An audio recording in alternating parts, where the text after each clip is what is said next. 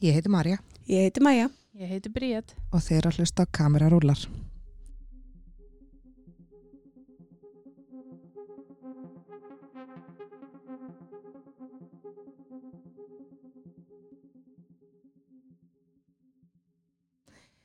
Við sitjum hérna í Nóa Sirius stúdíu podcastöðvarnar og hjá okkur situr Arna Magnea Danks. Velkomin. Takk hella, Hvað segir þá? bara allt ágætt. Er Það ekki? Já. Eða kannski byrja að segja okkur hans frá þér Arna og hvað þú gerir. Já, þannig að ég er sem sagt, uh, heiti Arna og er transkona og er lærð leikona frá East 15 Acting School í London og lærði síðan áhættu leikstjórn og kennslu frá British Academy of Dramatic Combat í framhaldina því og síðan setna lærði ég hérna og tók kennsluréttindi við lista á skóli Íslands og er svona síðustu uh, lokametranum að klára master í kynjafræði við Háskóla Íslands. Já, ok. Þú ert þar núna. Já, ég er það núna. Spennandi. Eins og allir alvöru feministar. já, nákvæmlega. Ok, og þú ferð þarna í East 15 og læri leiklist. Já, ég lærði leiklist þar, uh, fór uh, sem sagt 97 og útskriðast 2000. Og þetta var þryggja ára að býja ánam. Já, ok, þannig með BA í leiklist. Já, Já. Og þú ert að læra, þú lærði líka hérna, hvað það eru, stage combat. já það er sem sagt áhættu leikur og leikstjórn og Ok. það er kallað hérna uh, stage combat í Breitlandi. Mm og að því það kemur upprunlega úr leikúsinu og á alveg sko svona 500 ára sögu í Breitlandi. Já. Náttúrulega mjög fókuserað á skilmingar og Mhm. alls konar ekvo Mm og náttúrulega í tengslum við uh, Shakespeare.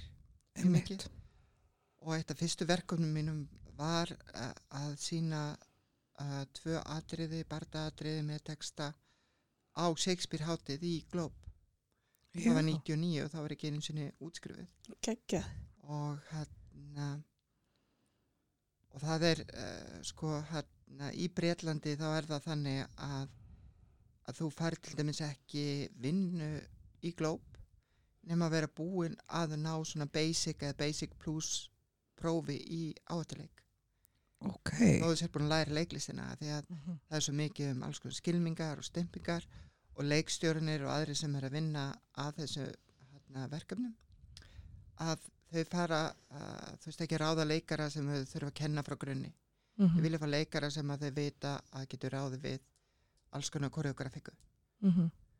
og þessin er það skilda öllum leiklistskólum í Breitlandi að allir taki í það minnsta foundation próf eða basic próf og Ok. þetta skiptist í sko foundation, basic, basic plus uh, advanced um, og síðan advanced uh, með svona þú veist uh, special weapons þá tekur þú eitt og eitt vopn fyrir Mhm.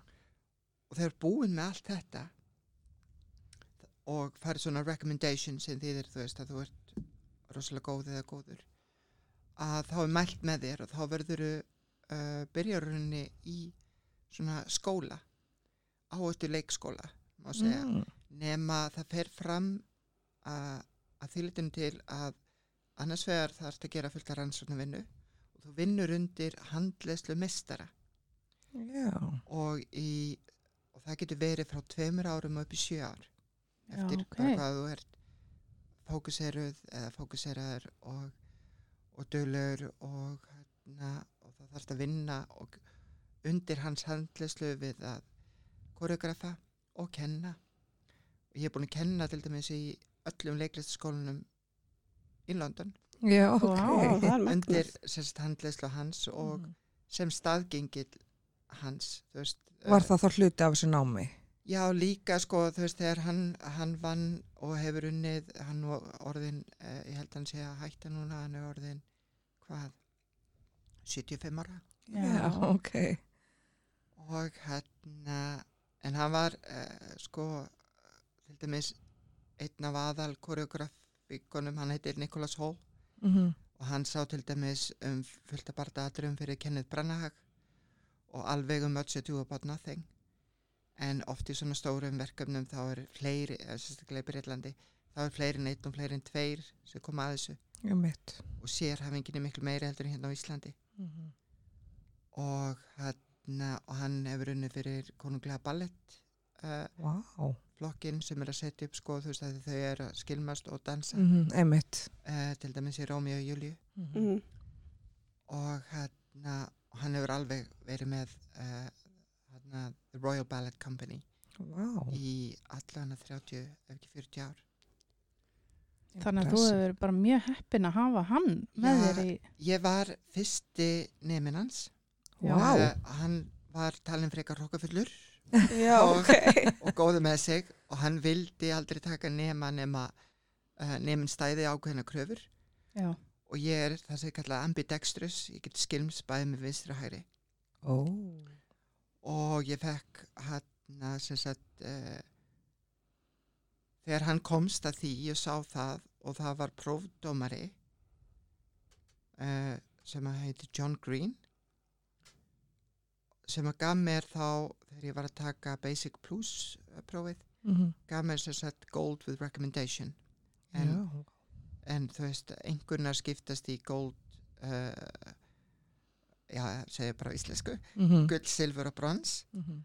og hérna en síðan þú veist ef að þú þykir bera af þá farðu þetta recommendation sem að þýður henni að þá svona er oft mælt með því að þú takir þetta sem svona auka plan já, áttu kennslu allavegna mm. Einmitt.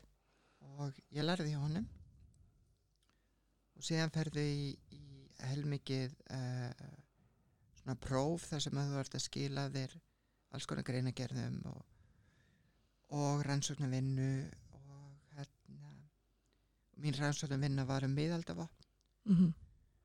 og hérna síðan þarftu að koreografa uh, bardaðsennur fyrir heilt leikrit Vá. og skila því að þér skriflega. Þú veist. Já, bara hérna gerst þetta og hérna gerst þetta, bara koreografi Svona barndega handrit. Já, herði, við gerum svolítið Þú hefur látað fyrir svolítið Og hérna ég gerði það fyrir Pétur Pann Wow Gaman, það hefur verið mjög spennandi. Og síðan eh, uh, ert að kenna á svona intensiv uh, eh, námskeiði í halva mánuð. Og þessir uh, prófdómarar sem voru fimm, ég veit ekki hvernig þetta er í dag. Ég útskrifaði sko sem barndagakennari 2003 mm -hmm. að hérna að þá uh, sko fylgjast þeir með þér og hvert fótspor í þú veist heila veiku já. Og síðan í svona halvan dag þá paraður með einhverjum öðrum sem er þú veist líka að læra. Að vera bardagennari eða leikstjöri og þeir láta fá nokkur svona verkefni þar sem þeir koreografa bara þú veist 1 og 3 bara byrjuð gera þetta eða 5 Mm. mínútur Vó. og síðan eigum við bara að koma og síðan koreografa og æfa okkur smá og síðan sína það og Já. alls konar svona þú veist og síðan bara situr þessi nefnd og fer yfir öll gögnin Mhm. hvernig, hvort þú ert búin að skila nægilega mörgu tímum þegar þú ert að skila nægilega mörgu tímum bla bla bla og ég stóðst með hérna og það er bara annarkvort staðist eða fallið. Já, Já, er og ég stóðst bara og þá þarf ég að kenna við leiklisskóla og skila með 60 nefndum sem ná annarkvort gulli eða bronsi. Að- kröðnar. Þetta er ekkert smá. til þess að hérna, verða fullgild. Já, einmitt. og ég gerði það uh, á- árið setna og var að kenna á fullu. En á meðan að þessu var þú veist þegar ég var að vesinast í öllu þessu og læra að núti þá hérna og var ég að leika með leikfélagi sem heiti Brian sem við skrifum okkar eigin leikverk og, og vorum að sína í Batsy Art Center Camden, Camden's People Theatre og líka á hérna hvað heitir það hérna, dáttur mér já, hérna geggjað. og, og síðan var ég að berjast við sjálf mig og kom upprunlega út þarna Já, ok. 2003 Það gerist á meðvart úti. já, Ok. sem ég, sem ég fattaði að ég væri trans Já.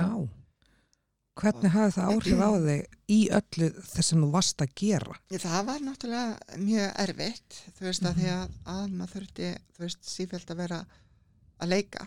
Já. Maður þurfti sífælt að vera þykist vera eitthvað sem maður var ekki til þess að þú veist stykki ekki fólk og fá hlutverk og síðan náttúrulega þurfti maður líka þú veist að því að maður fær ekki borgað sér nemi og hérna þú ert meiri segja að borga fyrir öll svona þú veist prófugjöld og ýmislegt Já. Þannig að ég var að vinna við að keira sjúkrabíl. Ég hef meira prófil Já, ok. já, ég er með má keira rútu og allan hamskotan Já. þannig að veist, já. Mín sagar er svo lega sá. Og hérna þannig að, að, að ég var að keira það sem að þeir kalla granny wagon.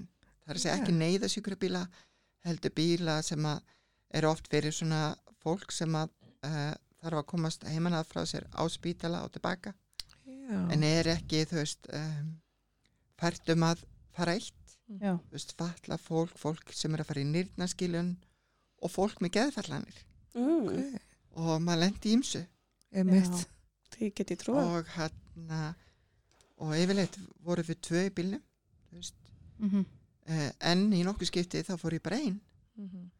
og það var vegna þess að viðkomandi aðili eh, var með eitthvað geðsjútum og gati ekki verið með, með tvo þá er þið viðkomandi svo hrættur Mm, og eitt Já. skipti var það kona sem að var hérna, hún var allt klætt í álpapir Þú veist, Já. öll- já, ok. og ég varð að opna allt fyrir hann og annað og, og þú veist og, og hún var hrætt um að þú veist við allt saman, hún var hrætt við að það veru skrimsli, þú veist að baku hurðina það veru geimverur, það var bara allir pakkin Mhm. og hérna og ég fekk að vita það eftir á og hún var líka hrætt við allt fólk sem er litað Ok. og ástæðan fyrir að ég gerði hana Mhm. og þetta var nokkuð skipt sem ég gerði hana uh, var vegna síðan hvít Mhm. Já. og hérna og maður þurfti náttúrulega að leika það þú veist, ég menna stundum tóku það eftir að þú veist, maður er ekki búin að þrýfa nóg vel ælanirinn eða eitthvað þú veist, og, og það var eitthvað þú veist, og maður fekk ykkur komment þá var yfirleitt nóg bara að segja já, ég er í leikusinu Mhm. Já, ég skil. Mm. og hérna en þetta var línudans þetta var svolítið línudans Já. En þetta hefur verið mjög lærdomsrikt tímabil að vera í leiklistanáminu og vera mitt að hitta alls konar fólk sem er að díla við sitt líka. já, já, ég var náttúrulega útskrifuð sem leikari þarna, Já, ég útskrifaðist sko sem leikona 2000 já, Já, já. alveg rétt, já. Ef við förum aðeins út í það, hva, hver er svona ástæðan fyrir því að þú ferð í leiklistina? Já, sko, hérna, það er eiginlega bara sorglega ástæða um, og mjög flókin og, og hérna já, hvað það sagt eftir að ég lendi í hóparás nöðgun því ég var 11 ára Á, og árið setna þá fluttu við og ég ákvað að ég skildi læra að vera strákur. Því ég kunni það ekkert. Og svo ég var alltaf að leika.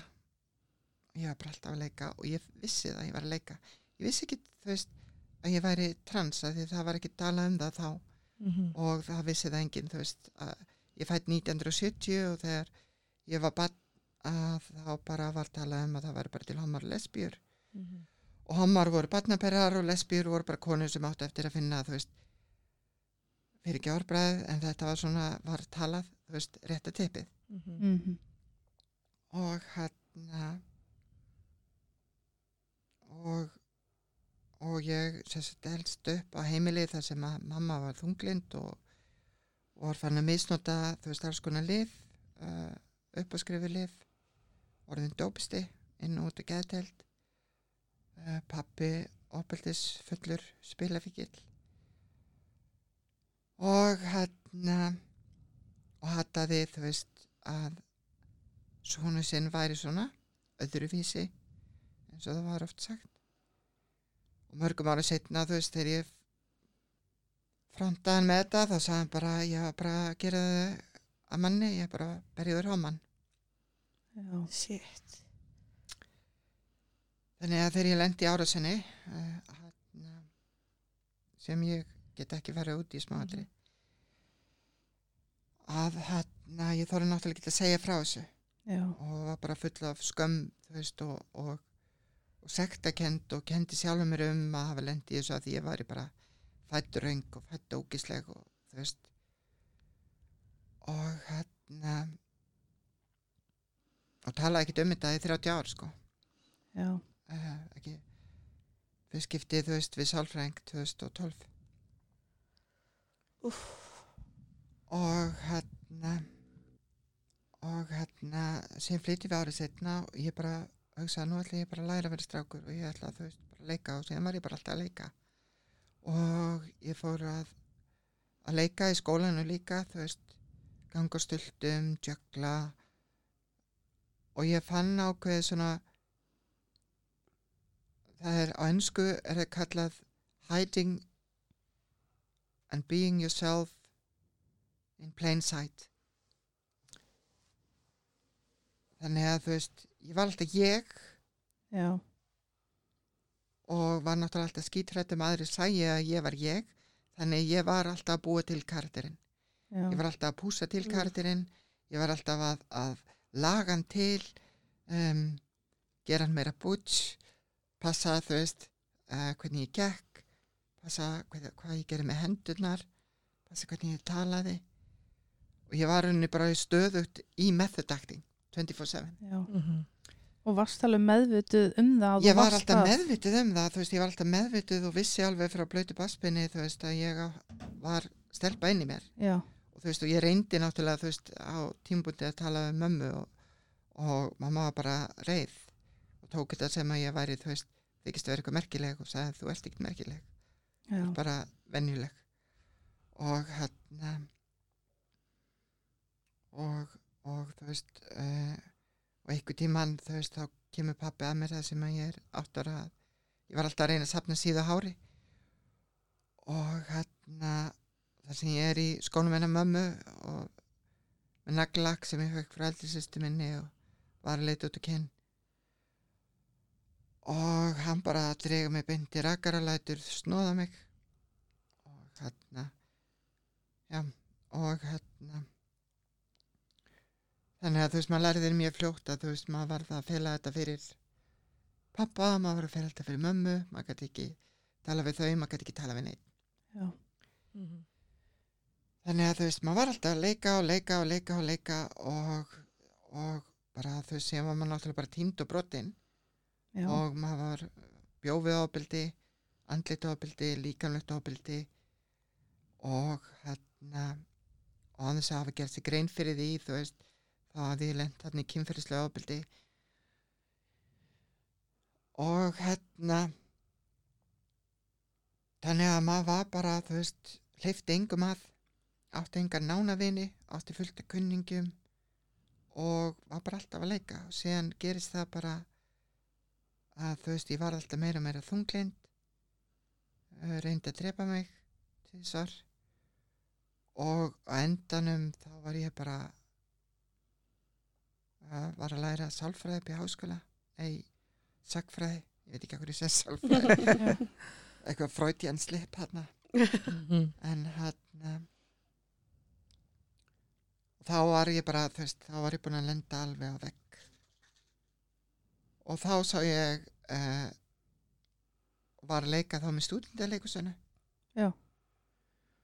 og ég fór bara þú veist að vinna og hérna og læra þú veist meðal annars að kera vörubíl eitthvað bara til þess að lifa af bara þú veist reið og tínd og bara svona rebel without a clue Já, Já. einmitt. og hérna uh, bara þú veist endalust í einhverjum kröfugöngum að reyna að frelsa allan heiminn þú veist, Free Nelson Mandela þú veist, Mhm. þegar hann var Mhm. frjáls þá var það veggurinn og þegar það var þú veist, komið þá var þetta og það var að hitt og Mhm. þú veist, reyna að bjarga öllinu með sjálfum mér já, ég gæti ekki bjarga sjálfum mér þá alltaf ég reyna bara að bjarga öllum öðrum Mhm. Mm. bara og rosalega tínd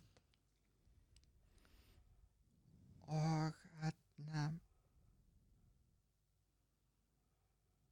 þá reyndi ég í leiklisskólanum í Íslandi en vissi ekkert, hafði engan bakgrunn Mhm. vissi ekkert hvað ég var að fara út í og, og hérna eh, komst ekkert áfram veist, en lærði samt helling að pröfa já, og hérna var bara svo gjössalega klúles og ekki nóg vel undirbúin.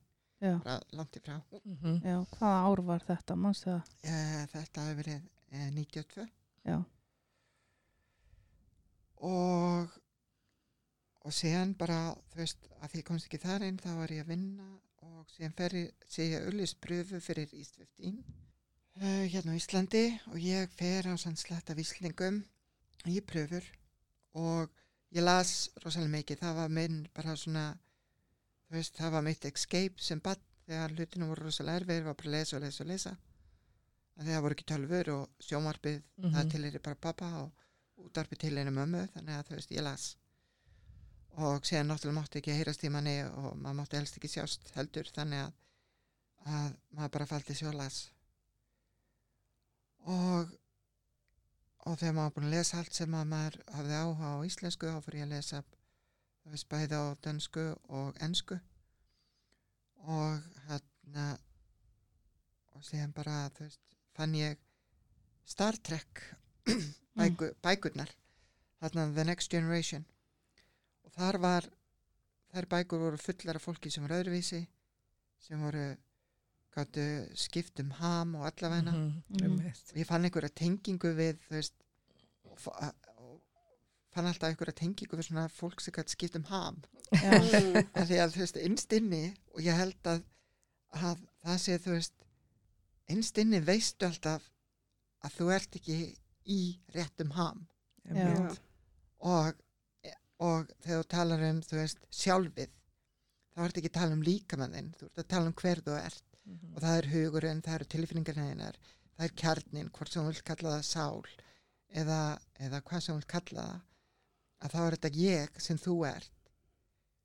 Að, að það er ekki umbúðinar og þegar þú uh, gengur í gegnum það þú veist að þessar umbúður eru ekki þínar þið líður inni eins og þú hafa fengið er lánið frá einhverjum öðrum eins og þú sért body snatcher eins og Mm.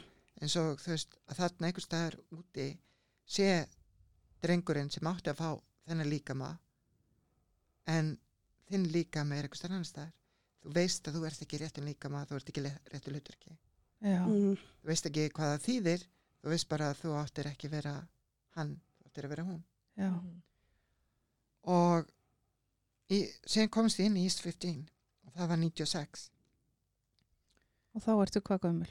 þá er ég 25 að vera 26 ára. Já.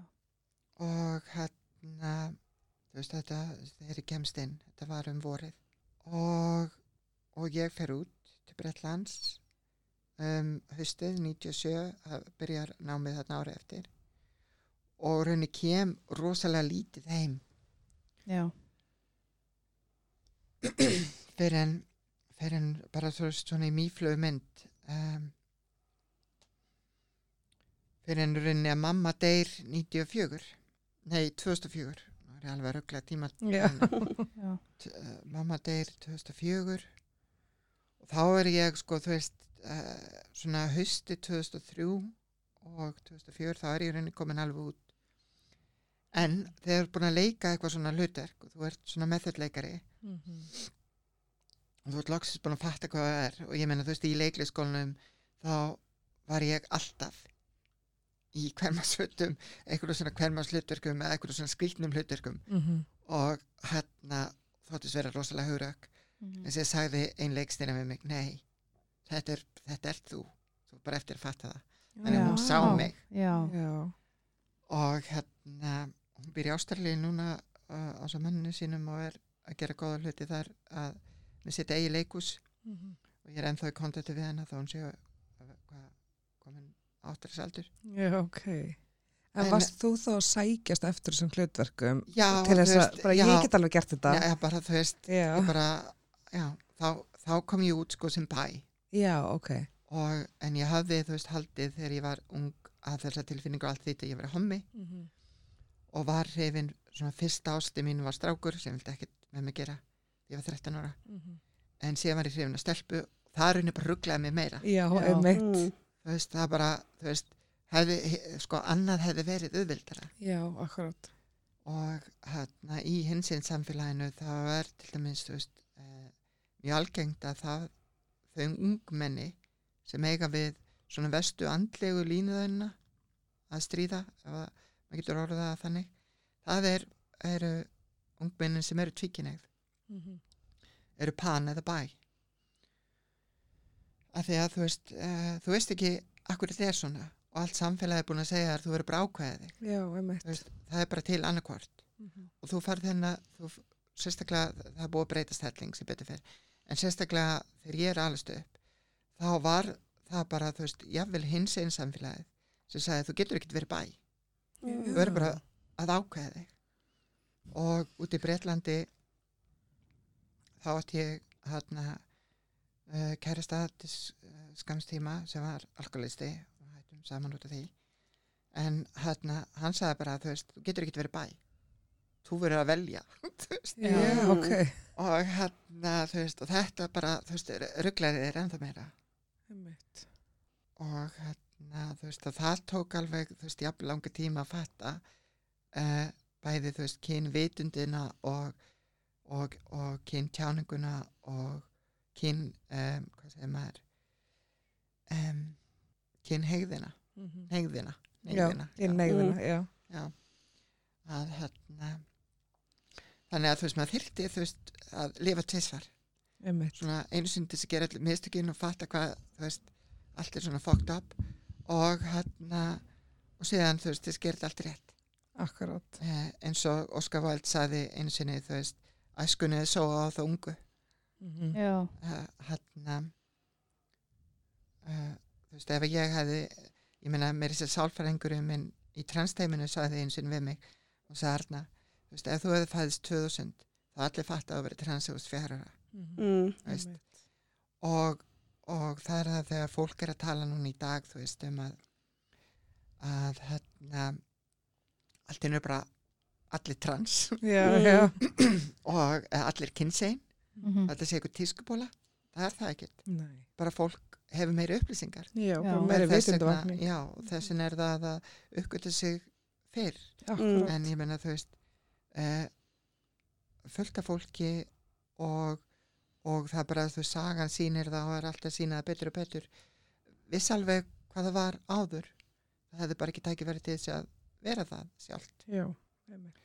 Um, og hérna og það var bara niður þú veist, nýja rannsóknir sína meðal annars að veist, það sem við þekkjum í dag sem kynræð sjálfræði sem að fór í lög hérna á Íslandi 2019 Mhm. og þeir eru að berjast fyrir að fá í Breitlandi það var til staðar í Breitlandi fyrir 1970 Vá. það var transfólk sem að, að, að bjóði kynrænt sjálfræði fyrir 1970 Já. en, en það var þess að transmaður sem var af aðalsætum og og breska sem sagt um, breska þingið þar að segja lávaradildin hafði áhyggjur af erðarettinum já, já. ef að transmaður gæti allt í orði baron Já. Mm. af því að hann var af sagt, uh, af sagt baronsætt Mhm. og þannig að lögunum var breytt og komið á þessum þvingunum sem að veist, transfólk býr við í Breitlandi í dag Mhm. 1970 Einmitt. og þetta er rannsóknarvinna sem var að koma út bók sem var að koma út Mm. Vá. þannig að þú veist að transfólk hefur alltaf verið til. Og við erum að sjá það betur betur í öllu menningarsamfélagum Mhm. eh, vikinga uh, hann sérst, höfðingi, mikill höfðingi sem var grafið með skipi og öllu og, og þrælum og, og þú veist, bara stór höfðingi. Uh, alltaf talað um hann í öllum rítum annað sem hann. Og séðan náðu þeir uh, að, að því að tæknin er alltaf betri og betri að bóra eitthvað gata á ykkur gumbein og ná ykkur DNA-pröfu og þá komur ljós að hann var sérst, líffræðilega fættur hún Já, ok. þannig að við erum að tala um að Vá. hann 2000 ára gamlan já ekki alveg, kannski 1700 ára gamlan vikingahöfðingja. Mhm. Vá, Það er en alveg magnað. þannig að þú veist uh, þannig að við erum það sem við erum að berjast fyrir í dag er rauninni bara endur enda fullta réttundum sem einu sinnum höfðum Mm. Einmitt. Mhm. já, en nú er ég komin út á söður og ég Já. geri þetta alltaf þetta er Já, þetta er alveg mjög já, þetta er svona að vera búlsirtaltist og, og geta búið til endalösa sögur Þarna, en það er náttúrulega bara var einhvern veginn rökrétt í mér og ég man, þú veist ég elska alltaf að dansa en fekk ekki að dansa og það var náttúrulega of gay, þú veist, því ég var að Mhm. alast upp og, og fæður minn vildi það ekki þannig að setti mig í karate og en þegar ég var unglingur og fór svona skemmtistæði og annað þá oft dansaði ég þú veist á svona stöðum þar sem maður máttu vera að bera ofan upp á borðum allavega svona ykkur Mhm. yfirleitt með lokuð augun, Mhm. hálfnakin var á móturhjóli ég hata að vera kallt, ég er aldrei kuldaskræfa en það var líka hluti af ímyndinni Já. Mm. það var svona leið til þess að fá að vera með sítt hár Já. Já.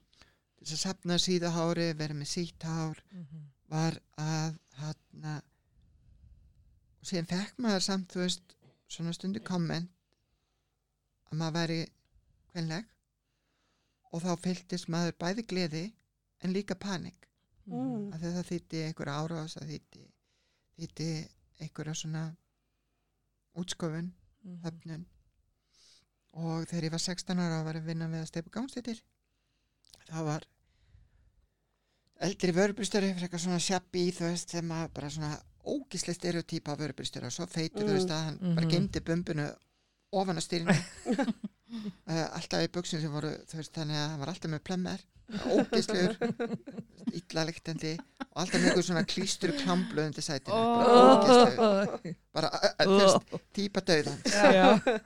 Og það er eitthvað tíman, þú veist, við erum að steipa gangstættir og það sem það eru að gera til að steipa gangstættir, þú ert að draga svona fínasta sandin, þú veist, þjappan og þú ert að draga hann, þá er þetta á njánum, Mhm. þú ert að draga hann svona og s- rauninni skrýða aftur að bak. Og þú þarf alltaf að vera, þú veist, tvö eða tveir eða tvær til þess að draga þessa, þú veist, til þess að búið til að uh, gera þetta rétt.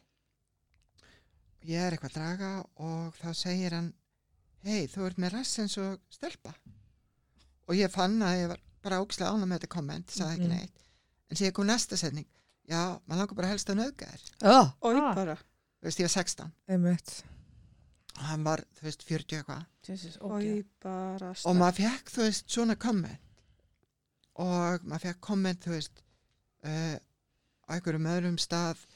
Þú veist, þá var uh, sagt við mig að hérna já, bara, þú veist, ég, að ég langar ekki að tala um það, en þú veist, Mhm. ég fekk svona komment Einmitt. sem gerði verkum að þegar ég er svona 18, 19 ára byrjuð þú veist að keira mótur og lútum allt að þá fyrir ég að sapna skeggi hata það hata það Mhm. út af lífinu bara Mm. eins mikið og þú getur bara rétt ímyndaðir Mhm.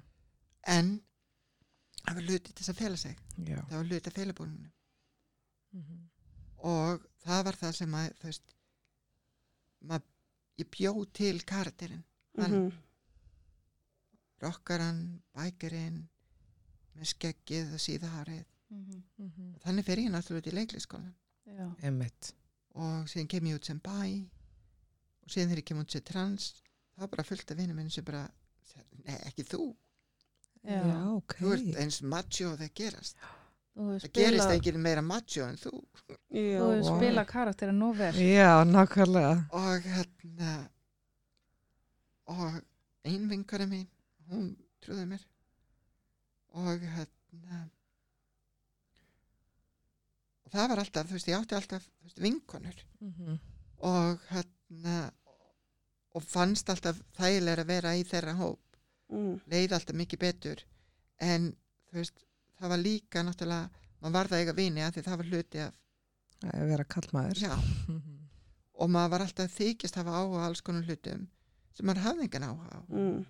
eins og þú veist, gera við bíla á móturjól, bara dreftu mig Mhm. þetta er svo leðilegt fótbolti og ég bara Já. þú veist, veiðar bara Allt Nei. þetta Já. típiska kalladæmi. Að hlusta á allt þetta á gólf og allt þetta drast og hérna- samt svo mikið að þú veist, þegar ég var lítil þá var ég alltaf að stelast þess að lesa dönsku hérna saumablöðin mm. var út að til skoða fötin Já, ok. Þú veist, ég er svo fáralega sko, ég er svo fáralega mikið hinum megin Já, já. Mhm. þú veist, ég elskaði þú veist, að horfa á ballett Mm. það var þú veist og hérna og ég elskaði að dansa og ég elskaði tísku fött ekkert af þessu þekk ég Einmitt. ekkert af þessu mátti ég sína Mhm. Mm. þannig þegar ég fyrir leikliskólan þá náttúrulega sóttist í þú veist, bara þú veist þegar allir mættu í, í svörtum þú veist, þarna, þið veitir hvernig þetta er í, í, í svona leiklistanámi þú veist, það Mhm. er allir vera í svörtum þarna, eitthvað kallar þetta tights Já, það er ekki á hérna sokkaböksur. já, Já. svörtum sokkaböksum, svörtum lýraból Mm og ég mætti bara, þú veist, eitthvað tækirmunstri Já, ok. Mhm. á fyrsta degi og þetta Já. var alltaf svona Einmitt. þannig að ég var mjög flamboyant Mhm. en samt var ég líka alltaf að leika, þú veist Mhm. þannig ég var alltaf einhvern veginn á línunni Já. Ok. En vissi uh, hérna, hvað heitir hann, Nikolas sem var í hérna, áhættu leikskólanum heitir hann ekki Nikolas? já, Nei, já, já, það var alltaf kallað Nick já va, vissi hann að þú væri trans? nei, Nei, Ekki þá, fyrir honum ekki já. þá uh, en hann uh, vissi það síðan og þú veist, Mm. ég var alveg verið í sambandi við hann og, og þetta var ekkert mál fyrir hann veist, ég meina uh, hann er er mjög opinn og hérna og hefur aldrei dæmt mig Mhm. og, og ég átti kærustu í leiklisskólanum en þú veist þetta var method leiklisskóli og þú veist það verða allir svolítið geðvikir Já, og þú veist uh, uh, á öðru árinu þá þarf þetta að lifa sem karakter í tværi vikur út í skógi. Og það verða allir klikka oh my god. Og síðan var nýr leiklistarkennari sem kom inn frá, frá Canada Hilary Taylor. Og hann og hún byrjaði að taka okkur í svona æfingu sem hétt Emotional River. Þetta svona að finna einhverja tilfinningu og fylgin eftir og svona. og við erum nýbúin að vera út í skógi. Að lifa sem einhverjir þú veist uh, rússar þú veist rétt fyrir byltinguna miklu og allt í klessu. Og eitt af því sem við þurftum að gera var sko það voru alltaf ykkur börn að deyja. Og við þurftum að, og ég var þú veist, ein af öldungum þorpsins og ég þurfti alltaf að vera að jarðsingja ykkur börn og taka grafir hverju minnst þegar þetta var ömulegt sko, þú veist, Já. þetta var algjör mindfuck og það var alltaf verið að segja okkur að það var einhver að koma að drepa okkur oh og, og síðan liðum við bara bors og, og brauði sem að við eldum í svona opni og, og hérna og þetta var bara svona svo Blair Witch Project á styrum Mhm. Vá. og hérna og fólk fór alveg þú veist og þegar við fórum í þetta Motion River þá bara byrjaði sumt fólk að öskra einn bara tók bara gekk bessinsgang og endaði með að stóllin festist í vegnum hann festist í vegnum oh hann var bara brjálaður. Og, og það var svona fyrsta skipti sem að þú veist ég lefði kannski allir sorginni sem að ég hafði upplegað gegnum allt ofbildið og annað Mhm. að koma upp. Ég settist á gólfu og ég greti í tvo tíma. Oh my. Og hérna og ég man að hún var alveg þú mátt hátt, hætt að gráta núna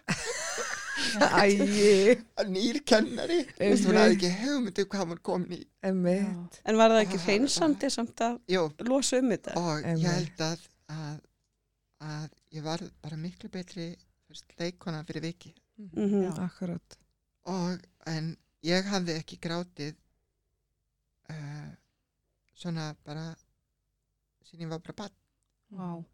um, ég græt núna regla yfir öllum, öllum mögulegu og er okkar. já, Já, það er holdt að gráta. Já, það er líka, þú veist, ég er sko, hérna þau ert í hormonmeðferðinni Mhm. þú ert alltaf í hormonmeðferðinni þá ertu með sömu gildi og runni konu og eglósi þú ert Mm. mjög hátt Já.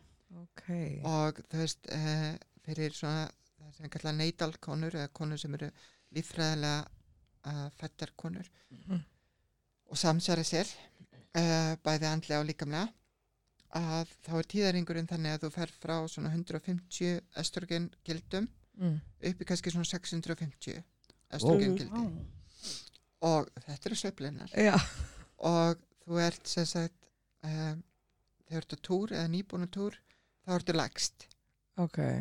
þá ertu rauninni uh, með minnst estrogen en þegar þú ert hérna svona akkurat í eglásinu Mhm. þá ertu með hæðsta gildið Já. og líka síðan ertu með þetta gildi rauninni allan tíman þegar þú ert ólétt þú ert mjög háð þegar þú ert ólétt þannig að þannig að transkonur við erum alltaf eins og rauninni ólétta konur Ok. Í östrogen. Mér finnst þetta alveg magnað. Já, við erum alltaf mjög hátt Ok. við fyrir kannski ekki alveg upp í 650 en Já. ég er svona mjög stabil í kringum 500 Já. Það er samt mjög Það er samt hátt. alveg hátt. Ok. og hérna þannig að, já, já þannig að, Þannig að það er alltaf rússibanni. já, Já. sko, þú veist, við erum miklu tilfinninganæmari Já. Mhm. ég var alltaf úber tilfinninganæm Ég var alltaf, þú veist var talin skrítin og öðruvísi svona uh, mjög svona náttúrulega þá meðvirk gagvart mömmu Mhm. og, og gagvart öllu og ég var svona, þú veist, ég var það sem við tölum í dag sé kannski, þú veist, sensitive barn um, ég var svona barn sem að trúði, þú veist alltaf að það væri væri gott í öllu Mm. að, að jafnvel orabunadósir færu til himna það var búin að þær Já. uh, ég var barn sem að svafa gólfinu og breytti ofan alla bánsalum mínu svo þeim var ekki kalt á veitunar Æ. Og hérna strákunni mín eru svolítið svona Æ. það er að segja yngri sérstaklega miðstrákunni minn Mhm.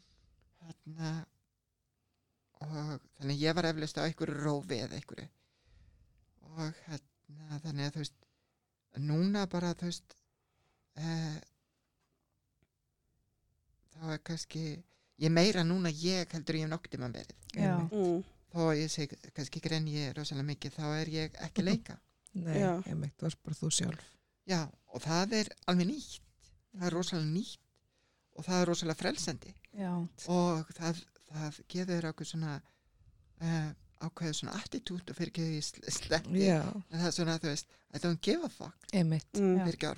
Nei, það, En- þetta er bara svo frábært hugafar líka. Já, og að það er vegna þess að þú veist þegar þú ert svona hinsinn barn en veist ekki hvernig og ert alltaf að fela þá Mhm. byrðu í stöðu um óta Mm. þú ert alltaf hrætt þú ert alltaf hrætt um að vera fyrir ópildi þú ert alltaf hrætt um að, að verða hafnar, verða fyrir skömm uh, þeirra, þú ert alltaf hrætt um að einhver sjái gegnum grímuna og féluleikin og þú byrð í þessu ástandi 24-7 Mhm. og þegar þú kemur út mig góður hvað það er mikið léttir Mhm. þannig að ef einhver er að hlusta sem er í Mhm. skápnum einmitt. þú veist, að vera inn í skápnum þú veist, það er mandreipandi Mhm. Mm.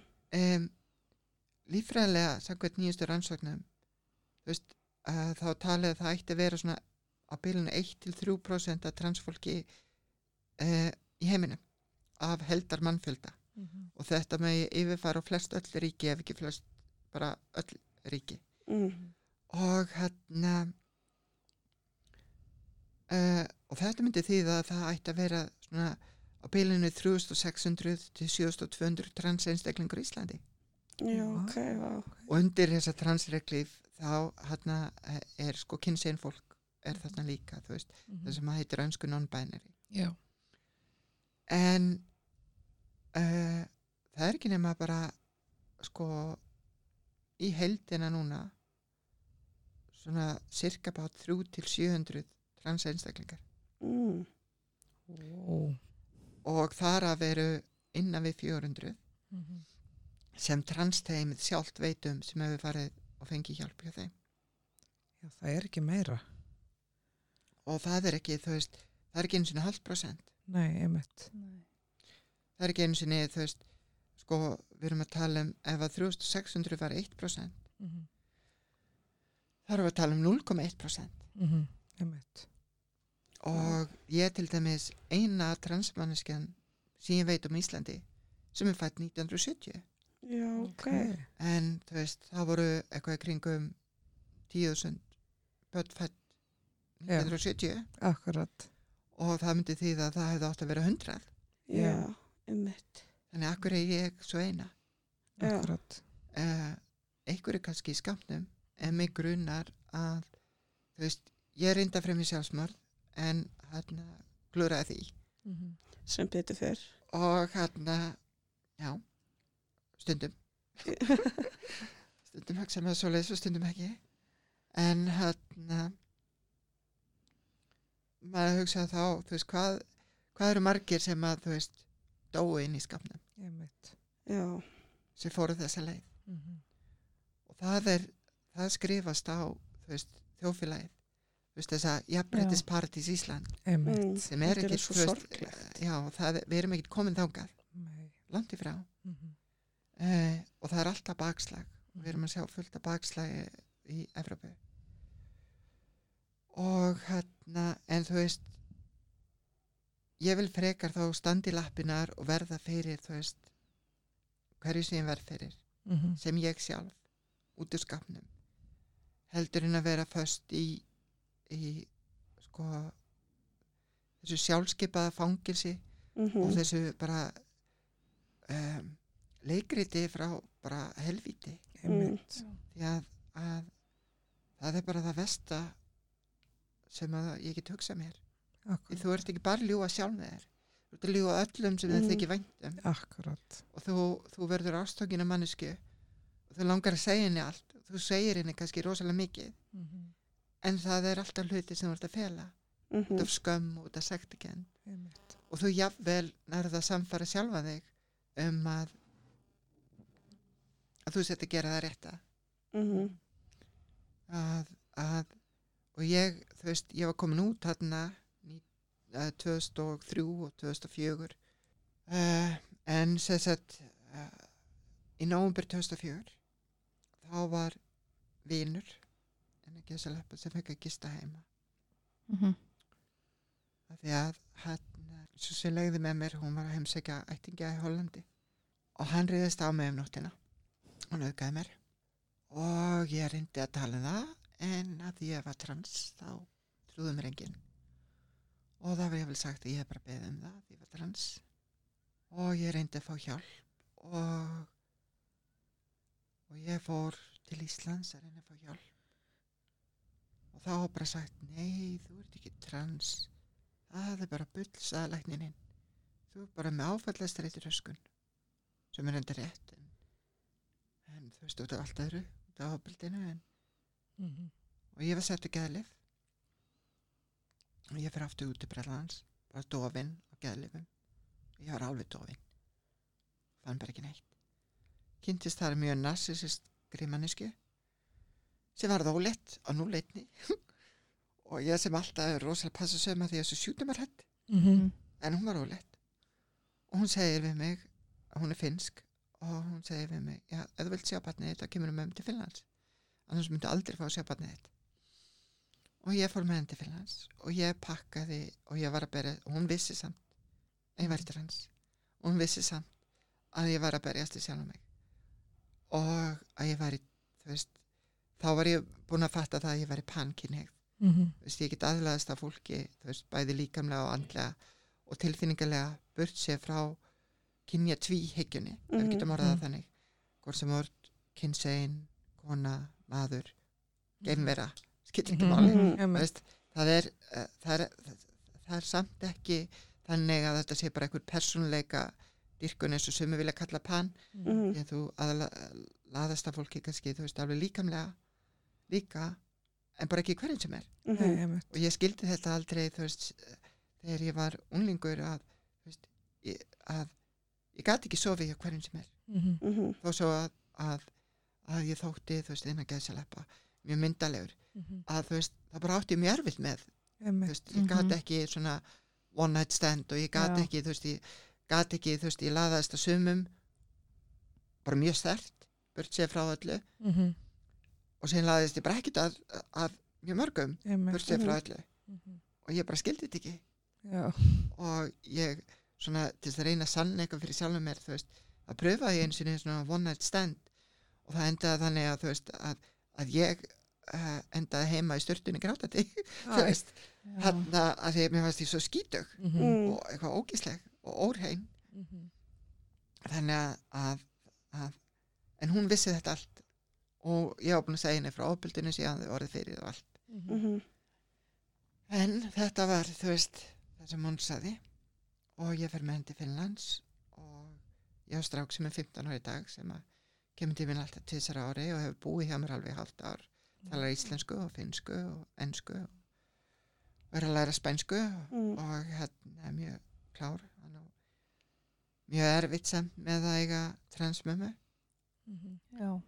uh, og sérstaklega það sem að mamma hans er já, hann er bara svolítið narsisísk og svolítið spes Já. En við erum engi og hún Já, ég skil. en, en hérna við erum bara í svona lámaskontakt út af honum Mhm. ég reyndi að vera með henni þáku til hann var fimmana Mhm. og ég vildi fá hann alveg en hún neitaði mér um það og lögjum var þannig að ég fekk það sem er kallað ótakmarka aðgengi Já, Mm. uh, en hún með fullan umræðri já, ég skil. Og nú Og- gæti rauninni sagt bara stopp hvernig sem er. já, Já, en að ég ég held að þegar ég var að verða pappin að gæsaleppa mhm. og, og náttúrulega þú veist það var ekki með þessa þekkingu sem ég hef núna og skilji að það bara ég held ég þurfti að pakka mig niður og, og, og læra aftur að vera hann og hérna og við hættum saman þannig fimm mánuða þegar ég bjó náttúrulega bara við andlit ofbeldi Mhm. í allt ár Mhm. og hérna þannig að ég kem heim til Íslands 2006 og byrja að kenna og þá byrja ég svona bransarum hérna heima Akkurat. og byrja að hérna, vera leikliskennari Mhm. og, og byrja að leika og koreografa á þetta atriði og kenna á þetta leik fyrir listaháskólan og setna kvikmyndaskólan Mhm. Mér langar að spyrja þig að, mér langar til þess að spyrja þig einu. Bara svona að því að við erum að tala um hvað þetta er svakarlegt, bara ofbeldi sem þú hefur orðið fyrir, bæði heima sem barn og eftir þú kemur út. Eh, mér langar svo að vita, er þetta mjög algengt hjá transfólki að það er eins og þau séu bara, fólk gefið sér skotlifi á þau til þess að bara beita þau allskins ofbeldi af því bara þau eru trans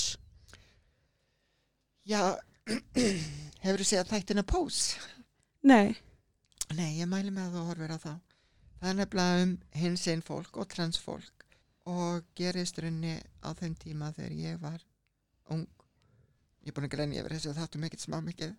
mm, Og hérna, því að þú veist er rosalega margt sem ég kannast við. mm, Og þetta er uh, því miður staðrænt hjá hins einn fólki, mm, ekki bara transfólki, já, Mhm. að lenda í kannski meira ofbeldi heldur en gengur að gerist. mm, og nóg er það samt. Þú veist, við erum hérna fjóra konur. Mm, og hversu marga konur þekki við ekki sem hafa lendi í ábyldi já, einmitt. þú veist, það er ekki að vera hinsegin til þess. Nei, einmitt.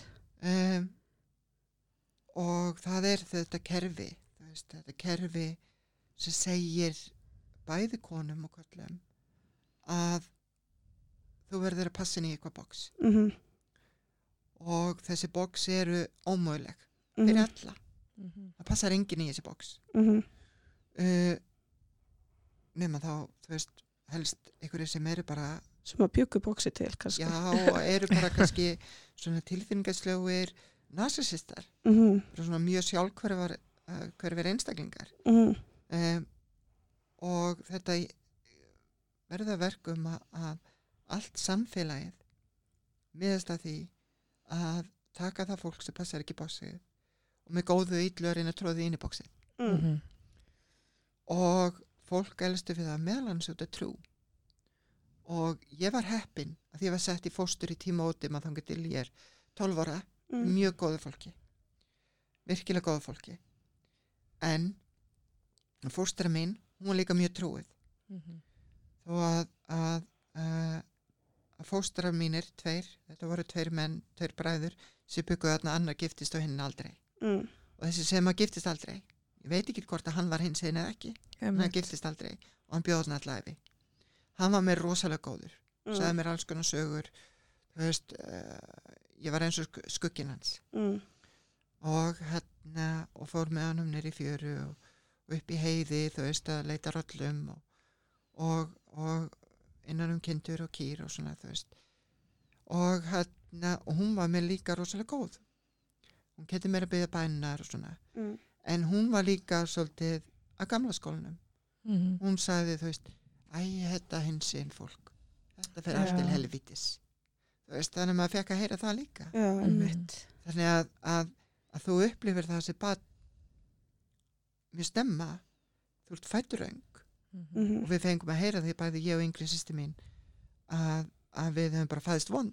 Það var okkur að kenna að mamma var eitthvað svona veik mm, og hérna við erum sérst yngstar af, af sex sískinum mhm, og við fengum að heyra það frá mömmu að henni langa aldrei inn einn börn, hún vildi mm, ekkit af okkur Mhm. hún átt okkur, þú veist að því að henni fannst uh, hún skulda pappa það að eignast okkur. Mhm, Mhm.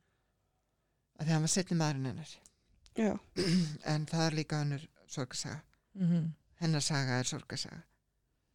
Uh, og hérna þannig að þú elst upp við það að, að þú ert fættur öng þú ert fættur vond og þú ert glæpur gagvart náttúrinni og guði. Já, við vita núna og vístin er búin að sína það að, að, að það er ekkert til sem heitir glæpur gegn náttúrinni mhm, náttúrun er sífælt að prófa sig ámfram mhm, alls konar vegu, alls konar hátt. Stökkbreytingar, hægri vinstri út og söður og það er allt eðilegt mhm, í augum náttúrunnar. Einmitt. Og hérna fyrir 70 árum síðan þá talaðum um að örfendir væri bara 1% já, og örfendir voru neyttir til að skrifa og borða með hægri Mhm. Einmitt. það var, var rámt gaggur guði að vera örfendur Mhm. núna er vitað að örfendir eru í kringum 6% 5-6% Mhm. uh, hérna, og svo framvegis mætti telja nú intersex fólk Mhm. að það er núna vitað að intersex er miklu algengara en við, vitum eða vissum áður mm, þú getur verið intersex á þess að það sjáist nokkur tíman áður Mhm. og það er til dæmis uh, meira að segja ekki óalgengt að konur eru kannski þú veist með XX og einn í litning mm, Já, ok. kemur aldrei neitt fram nefnum að fara í einmitt. og þannig að nú er meira að segja margar ansóknir sem segja að þetta að intersex er bara gróflega vannmetið. já, Trans fólk er bara einn ángja þessu. mhm, Við erum alveg jafn mikil hluti á náttúrunni og allt annað. mhm, Við erum bara, þú veist, afspringi móðu náttúrunnar sem að hefur einstaklega gaman að því að skapa já, Mhm. út á suður og allavegna. Móði náttúra, hún, hún er bara hún er svona það sem að uh, the ultimate artist við það þannig. Já. Mér langar núna svolítið að spyrja þig út í hérna, uh, fyrirliðin sem uh, leikona og svona áhættu leikona og leikstjóri. Þarna, hvað er það sem þú hefur gert í gegnum tíðina?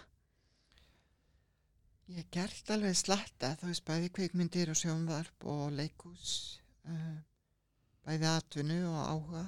Mm og maður hefur svona mismundi mikið gaman að þessu. Uh, ég hafði mest gaman að því að kenna, já, að því að ég fann að ég var mest ég. Einmitt. og síðan voru svona náttúrulega ákveðin verkefni sem maður hafði gaman af en mjög oft þá var maður að berjast við kvíða. Einmitt. kvíða vegna þess að maður var að leika ofan á allt heitt Já. maður var í hlutverki 24-7 Mhm. ekki að vera hann og síðan fór maður að sett sem áttuleikstjóri og allir heldu að það að vera áttuleikstjóri var svo úper macho. Mm en þú veist, það að vera áttuleikstjóri eh, þetta er koreografa mhm, þú ert að passa upp á öryggi leikarana Mhm. og þú ert að hanna hver einustur heifingu mhm, þannig að þetta er miklu meira skilt við dans. Þetta er Einmitt. mynddans. Einmitt. uh, og ég hafði virkilega gaman að því þegar ég fekk að, að vinna sérstaklega þegar ég fekk að vinna um, með öðrum konum já, og gera þetta þú veist uh, meira listrænt. Mhm, en hafði minna gaman af því þegar ég var að vinna svona í grotesk svona meira hvað ég segja minna listrænt og meira ofbildisföld mhm, Já. og hann og síðan kemur að því að þegar þú kemur út. Mhm, og þú veist og það er allir sem að svona í bransunum sem veit, vita hver ég er. Þá ég sé kannski ekki þekkt allstaðar út á söður það er, það er bara eins með svo marga sem eru bak við tjöldin. Það er fullt af aðstofleikstjórum sem eru kannski búin að gera 300-400 flottar kvikmyndir. Mhm. vinna af sér þú veist hann bara þú veist raskatið, ef við getum orðað það þannig að myrkrið á milli en engin veit hver hún Mhm. eða hann er. Það er mjög algengt. og það er fullt af fólki svona bak við tjöldi uh, þannig að þú, en þú innan bransans þá vita allir hver þú ert. Mhm, nú með áhættuleikstjóran þá er þetta yfirleitt þannig að þú ert fengin inn það er alltaf verið að spara pening. Mhm, þú ert fengin inn þú ert látin uh, þú ert að koreografa allara grófasta ofbildið Já. allara erfiðustu atriðin. Mhm, og þú ert kannski í þrjá daga, fjóra daga, fimm daga þú veist, og síðan út. Mhm, í stærstu verkefnum Mhm. þá ertu kannski í 20 daga eins og Stælu Blomqvist sem ég sá um fyrstu. Uh, og þú veist ég var bæði uh, leikari þá hann og áhættuleikstjóri í hrauninu.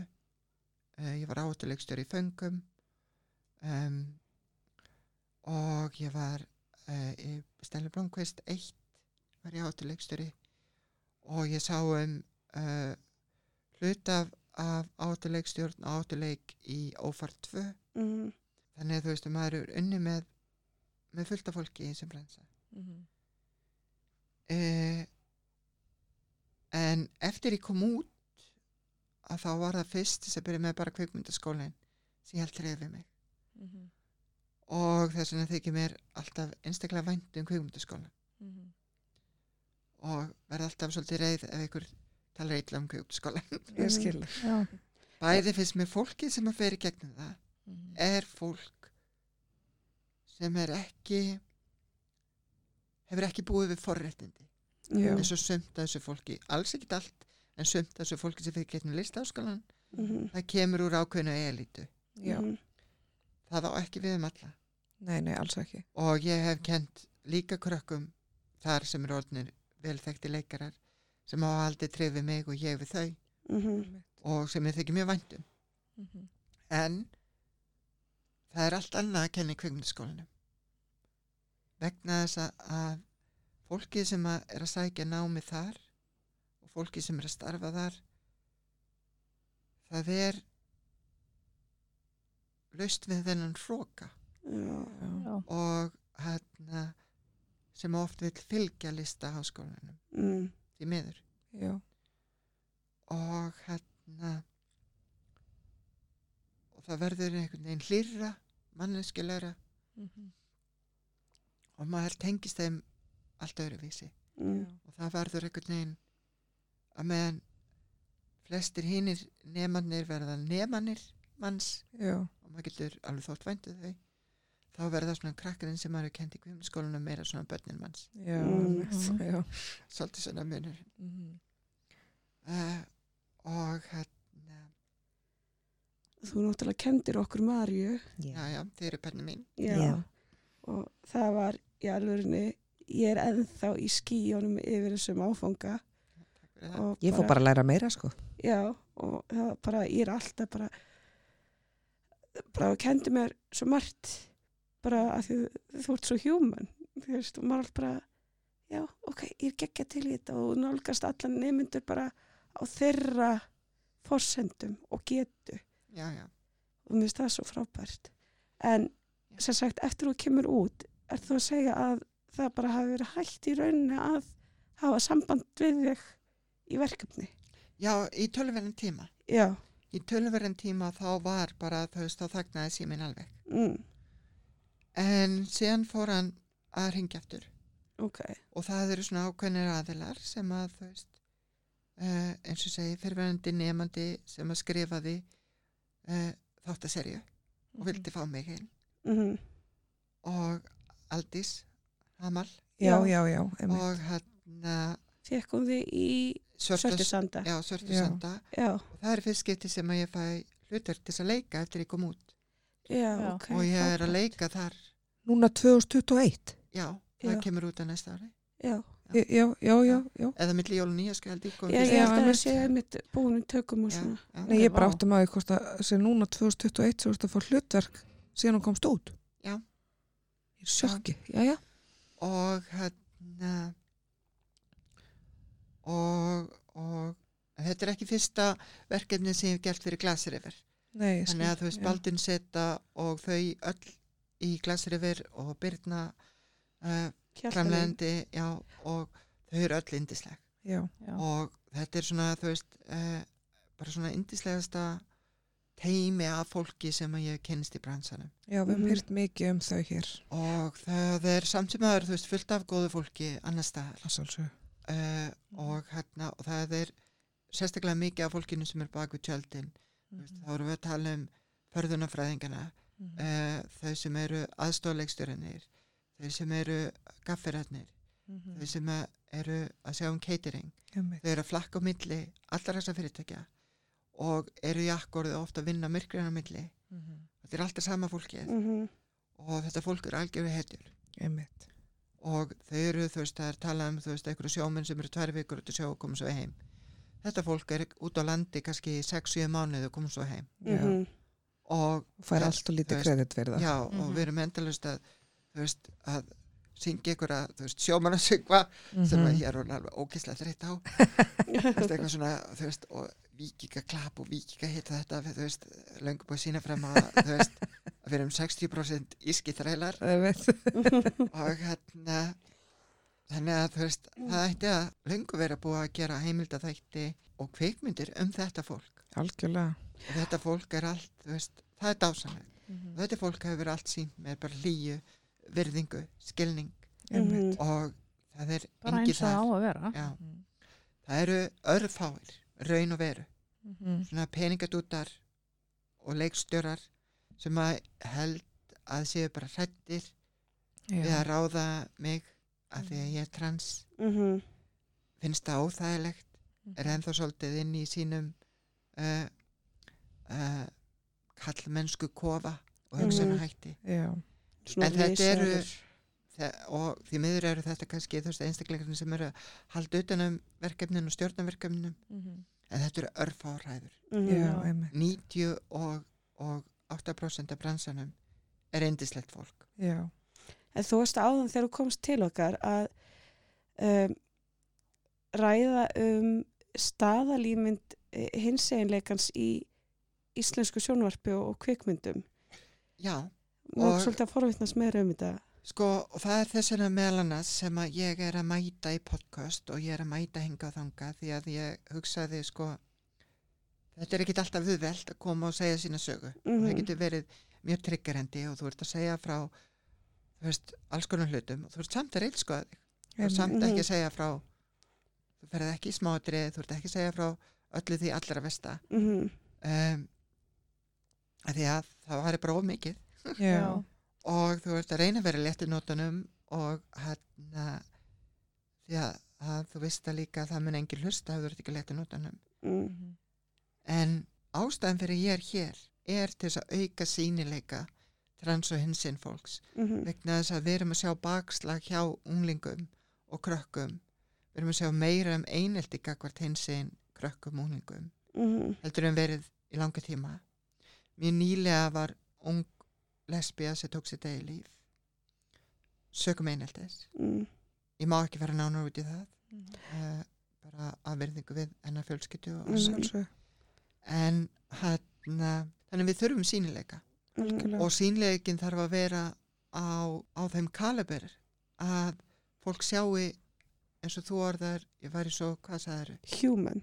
svo human, Já, að fólk þarf að sjá að við erum svo human já, Algjörlega. að við erum ekki, þú veist það eina leiðin til þess að við náum þeim status og við erum ekkert að taka yfir, það er ekkert gay agenda, við erum Mhm. ekkert world domination og bust, Mhm. þú veist þarna, það er ekkert svo leiðis í gangi ummitt. en eina leiðin til þess að við öðlumst jafnrétti og getum gengið bara, þú veist uh, út af götu Mm að þess að óttast ofbeldi mm. og núna er mikið af hins ég fólki og transfólki sérstaklega sem fer ekki út á kvöldin Já, þorði ekki, sérstaklega ekki neyri bæ ummitt. það er 2021 Mhm. Það er hræðilegt. um, og sérstaklega er það transkonur Mm. það er engin þjófélagshópur sem að er uh, verður fyrir jafnmiklu ofbeldi í heiminum.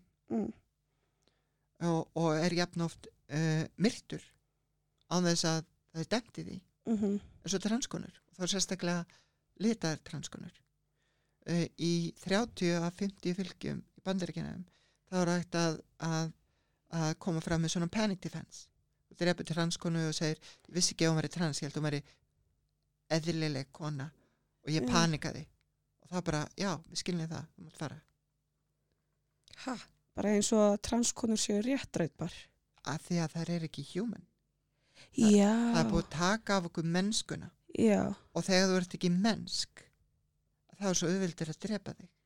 Já. eins og að nasistar gerði með gýðinga gýðingarnir voru ekki lengur human. Já, og þess vegna var í lagi að drepa það. þetta var dýr ég Það bara svo stingi maður. sama gerðu uh, og gera hvítir rasistar gakkar blökkufólki í bandaríkjanum og aðskilnaðstefnan Jim Crow tímabili í bandaríkjanum og kringu 1960 55 og til svona 65 mm, þegar hérna í þessari réttindabaratu svartra í bandaríkjanum að þá voru fleiri tugi svartra hengdir í söðuríkjanum að þess að nokkur hafi verið gerður ábyrgur. Mm af því að, að hluti af aðskilnaðstefnunni var að, var að segja það þið eru óaðri, já, þið eru ekki human. Mhm. og með því að ræna fólk í mennskunni þá með því að gera það óaðra að þá hann er auðvitað réttlæta allskins ofbyldi gegn mhm, því og einmitt. það er þess vegna sem að við þurfum meiri sínileika Já, ekki bara mæti í podcast við þurfum að sjá fólk lifa sínu lífi Mhm. vera alls konar karterar Einmitt. mm þú veist, í þetta bara bíómyndum. mjög góð punktur, mjög mikilvægt að koma með inn á þetta út af því að ég var til dæmis aldrei búin að hugsa þetta þannig Nei. og ég bara, maður sér hlutina bara allt öðruvísi Mhm. Já, þegar maður heyrir svona. algjörlega. En það er mjög eðlilegt vegna þess að þú veist uh, að þú miðar allt út frá þínum reynsluheimi mm því sem þú gengur í gegn, gegnum. Og ef að þinn reynsluheimur þú veist, engin okkar er svört kona. Mm. en engin okkar getur talað þú veist, sannlega fyrir þú veist, þeirra reynsluheimi. Mhm. um, það er podcast af ungum svörtum íslingum Já, stelpum sem heita rasistennir Mhm. veit ekki hvort það heirt það Jú, podcast ég hef hört um það. ja, þeir voru að- byrja með sitt fyrsta podcast Mm. þeir eru á Instagram og þeirra reynslu heimur er sláandi Mhm. og maður held að þetta væri ekki svona Einmitt. þegar maður tala við vingunum sínar sem eru veist, það er alveg jafn íslenskar og ég þú veist, hérna ég er, þú veist uh, eitt fjórði bresk ég er eitt náttuðið dani ég er spænsk og frönsk og guð má vita hvað annað. Mhm, ég er svona júrutrass í blandboka eins og allir íslingar veist, það er engin hérna uh, frumbyggja á Íslandi. Nei. við erum öll júrutrass í, í bara þú veist blandi boka Mhm. og hérna uh, þannig að allur svona rasismi er ógislega Mhm. Mm. en þeirra reynsluheimur breytir því ekki, það er bara því miður rosalega mikið af stúpid fólki í heiminu. Það er bara mjög eðlilegt að þú þekkir þetta ekki ef að þetta er ekki hlut þín og reynsla heim. Já, Já. En ef þú átt vini og þú, þú tengist fólki, þá, þá svona undir flestu kringustæðum, þá opnast auðu þín. mhm, Þú ert meðvitaðari. Og þú getur sett því í spór annara upp að ákveðinu marki. mhm, Og hérna, en við þurfum sínileika. Við þurfum að sjá þetta í sjónvarpi, við þurfum að sjá þetta í kvikmyndum, við þurfum að sjá þetta í leikusinu. Mhm. Ég meina, þegar þú hugsaður um það, hversu oft sérðu bara, þú veist, frutan homma eða lesbjör, uh, eitthvað öðruvísi hinsinn fólk í sjónvarpi? Aldrei. Nei. Eða kvikmyndum? Aldrei. Mhm. Og hvenær sérðu homma eða lesbjör í sjónvarpi og kvikmyndum? Svona nánast, undartekningalös, undartekningalöst, þá er það vegna þess að það er eitthvað djók í gangi. Mhm. Mm. En Þá hvað er það finnst, verið að fyndi. en hvað finnst þið þá um hefur þú séð sex education? Hefur þú séð þættina? Ok, það fjalla bara þeir þættir fjalla um sérst bara alls konar, bara pan, non-binary, þú veist, allt þetta. Já, ok. og það er sett ótrúlega vel fram og þetta eru bara úlingar í mentaskóla Já, það er kannski að þetta er unglingar og ég er 51 og Já. skoðum transkona, þú veist, þá er ég kannski að horfa á Ég er að horfa á L, L-word, Q, já, Next já, Generation, þú veist, En þetta er ótrúlega er flottu þættir af því að það er verið að sína bara hvernig þau eru að berjast fyrir því að fá að vera þau sjálf. Já, og hvernig þú veist eldra fólk er að taka þú veist í rauninni og vera eins og við varum að ræða á hann hugsunarháttinu þeirra er svo gamaldags. Og hérna, ég mæla alveg með að líta á þetta, Já. þetta er ótrúlega flottu þetta, sko. þetta er komið á listan. Já, Já. ég held líka því að þú átt þrjá stráka Já, og eitt sem er einmitt úlingur að það sé einmitt mjög áhugavert áhorf með líka sérstaklega þegar þínir yngri er orðnir eldri veist, til þess að horfa á með þeim. Já, ég keipti bókina hennar Solborgar Fávitar. Já, Já, frábær bók. hérna, Mhm. já, og hérna, og ég er raunni líka alltaf að reyna að fræða mig og menta algjörlega. mig og vera meðvitaðri og, mm og kenna þeim og vera umbrunlindari. Mhm. Um, en þú veist, það vantar svo víða, það vantar uh, aukna fræðslu í skólum, algjörlega. það þarf að vera kynjafræði í skólum, Mhm. það þarf að vera hinsegin fræðsla í skólum, uh, bæði grunn og framhanskólum og það vantar líka þennan sínileika í kvikmyndir og sjónvarp og leikus. -hmm. Sérðu þetta aldrei nema, það er, uh, hafið þið séð hérna, uh, hér er faggi, Nei, mér langar með alveg ekki- snæpir Nei, hvað Já, já, uh, hérna, Bjarni Snabitsson. já, Já, þetta dásanlega síning og hérna alveg fimm vasakluta síning allan fyrir suma já, Já. og hérna en fyrir utan þessa síningu og síðan síningu sem Felix Bergson gerði fyrir mörgum mörgum árum þá mann ég bara ekki eftir svona síningu, hins einn síningu í stóru leikosanum nei sem að fjölluðu um hins einleikan Mhm. á út frá svona sjónamiði hins einn fólks fyrir utan hérna þá bara að kannski þú veist eh, náttúrulega eins og ég var að segja með kvikmyndina ég Mhm. sem að Vala Ómars gerði sem er í biopartís eða var í biopartís að þá er allt Íslands sjónvarp og kvikmyndir að þegar þú sér hins einn mannesku þegar þú sér bara litað mannesku Mhm. þá er það svona uh, bara svona cameo Mhm. pingulítið Mhm. og þá yfirleitt svona comic relief Já, einmitt, Mhm. og, og það er samt betri en ekkert algjörlega og bara, þú veist, og bara hurra fyrir þeim leikstjórun sem þó allavega eru farin að nota okkur eitthvað Mhm. en, en það þyrst að vera náttúrulega, þú veist fólk þarf að geta séð okkur og þá minna ég séð okkur algjörlega og ég sagði við sálfræðingir minn um daginn sérðu mig og þá er ég ekki að tala um umbúðunar, heldur mig Mhm. manneskuna sem ég er, Mhm. sérðu mennskuna sem ég býi yfir Mhm. sérðu þú veist, hérna raunverulegu mig Mhm. því nú er ég ekki lengur með grímu Nei, verið grímulaus Mhm. og hún svona horfið á mig í smá tíma og sagði, já, ég sé þig og þetta þarf allur heimurinn að geta sagt. Ekki bara um mig heldur um allt hinsinni fólk. Mhm. við sjáum ykkur. Einmitt. Já, algjörlega.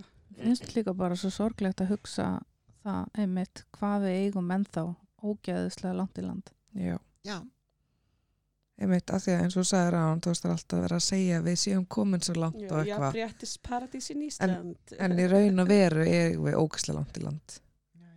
Þannig að ég flutti til Spánar 2018 og fór í hérna svona eh, musical theater skóla og svo bara eitthvað fyrsta daginn þá er, er verið að kynna mig fyrir bekknum mínum og ég sest niður með einhverjum stelpum og fyrsta sem að einn segi við mig var bara ertu frá Íslandi? Og ég eitthvað já. Og bara ah, þeir komin svo langt í og var að tala um þessi jafnrættismál og, og hins einn mál og eitthvað og ég var bara finnst þið það? og ég hafði ekkert vitaði þá, ekki neitt mm ég var bara, finnst þið það? og hún bara, já, það er bara miklu meira heldur en hérna sko, en samt finnst mér eins og út á spáni hins eginn fólk vera miklu sínilegra heldur en ég er Mm. en ég veit ekki hvort það sé bara öðru í sig en mér fannst bara svo magna að heyra þetta og þá fyrst fór ég að pæla í því hvert Ísland er komið sko Já, en við erum rosalega góð, nefnilega, Mhm. alveg eins og ég var góð að leika, já, vera með grímu, þá er Íslandi rosalega gott að vera með grímu og leika út af við. já, að það er kannski það, Ég meina, þú veist, það var einu sinni sagt, hérna á Íslandi, glæpir, ekki til, emitt dópistar, ekki til, Nei. heimilisfólk, ekki til, fátakt, ekki til, við sjáum þetta heimilisofbeldi, ekki. ekki til. emitt, já, Við erum rosalega góð að fela hluti. Mhm. og það er falir. emitt Ég var út á Spáni í sumar, mm lendi aldrei neinu. Nei. Og komið fram við mig að virðingu og alúð allstaðar Mhm. og hann og maður fyllir sjálfsöryggi og maður hugsa þú veist, er ég orðin svona kvenleg? Er fólk bara að sjá mig sem hanna er fólk bara svona almennilegt? Maður veit það aldrei. Nei, og, og sem ég segja þú veist, það ætti ekki verið issue fyrir transfólk að vera passable það er sagt. Mm. en það er issue vegna þess að þetta snýst um öryggi. Mm uh, ef þú er eitt passable og ég er bara lesin sem hverjana kona. Þá er ég öryggari heldur en er lesin sem transkona Já. Mm. en ég hef alveg lent í því hérna á Íslandi að það hefur verið sagt við mig í bónus með strákunum mínum. Þarna fær þetta ógeð að vesla hérna. Fær þetta ógeð. Þá er, veist, þá er ég ekki einu sinni hún eða hann þá er ég, þá er búið að taka með mennskunni. Er Mér búið finnst það að, alveg ótrúlegt hvað fólk getur verið miklu fáiðar. en það hefur ekki komið fyrir samt, veist, í tvö ár að ég lendi neinu. Uh, og maður svona spyr sig, þú veist, er það bara vegna þess að ég er komin svona langt? Eða, eða er ég bara betri að fela það eða hvað? Ég akkur, veit það ekki en ég er ekki fara út á kvöldin. Nei. Ég er ekki fara nýri bæ. Ég er ekki fara á viðburði sem að mér langar að fara á. Mm ef það er orðið myrkur Það er svo ok, sorglegt. uh, ég er ekki að fara í uh, eins oft í leikus eða bíó eða neitt af því að ég upplifði mig árga ég er ekki að fara í sund eða skipulega líkasrætt ég bara Mhm. labba og svona af því ég upplifði mig árga Mhm. ég er samt búin að fara gennum allt emitt og hérna en ég þóru samt ekki emitt og ég er ekki einmitt. og það er vegna þess að ofbeldið kræmar hérna á Íslandi mjög ljóst og leint og undir. Já, og ef að þú bara skoðar hvaða frétt sem er sem að hefur eitthvað með trans að gera á Íslandi og lest kommentin. Já. Þau eru svo full af ógeði og hatri. Mm Mm já, ég er svo, ég hata þessi helvitis kommentakerfi sko. já, svakalegt sko. En þú sér þetta líka eins og hérna þegar ungar stelpur sem að uh, eru búin að fá nóg að kæfta hennu og lái þeim hver sem betur getur uh, eins og í öfgum emitt, sem að mér finnst alveg frábært og ég ber mikla verðingu fyrir þessu stelpum, já, ungu konum. Ég held að vera ekkit ánægð með mig ef ég kalla það stelpur. Það fyrirgeði mig kannski að því ég er hann svo gömul. En hérna að veist, þær eru líka lent í alveg ótrúlega óvæginu umræði og þannig að þú veist að Ísland út af við er rosalega fín já, að sína sitt andlit mhm. og benda á einhverja hluti. Eins og sjáu þið við erum með konu sem fórsetstræðra Mhm. sjáu við erum með svona, svona, svona. En þú getur alltaf tekið einhverju svona einstakleika í forréttindastöðu og sagt sjá hvað við erum komin langt Mhm. en það er ekki meirulutin Nei. það er ekki svo sannleiku sem restin býr við þú veist við búum ekki öll í sömu búblu og hann uh, frægar transmanneskjur Mhm. sem hafa bæði uh, aðgang að fullkominni læknisþjónustu Mhm. uh, fullkominni þjófélagsþjónustu Mhm. og þeim er hampað hvar sem er langt flestar transkonur sérstaklega transkonur Mhm. í eins og í bandaríkjanum og Breitlandi uh, ef þar kom út mjög snemma búið það að þeim er hent út að heimilinu þær eru heimiluslausar Mhm. þær fara í kynlífsvinnu til þess að lifa Já. af nöyð ekki eitthvað sjálfviljar og OnlyFans eða eitthvað svo leiðis Mhm. og ég veit að þetta er líka mjög viðkvæm umræða og uh, ég hef mína skoðanir veist, ég, uh, ég er ekki að sjá að þetta sé veist, eitthvað sem þú gerir alveg fullkomlega Mhm. sjálfveljug á sínum tíma þá var mér bóðið svona vinna og ég vissi það að ég hefði ekki kjark eða styrktið þess Mhm. en ég hugsaði það alveg að þetta var easy money maður, en síðan hugsaði maður hversu easy er það Mhm.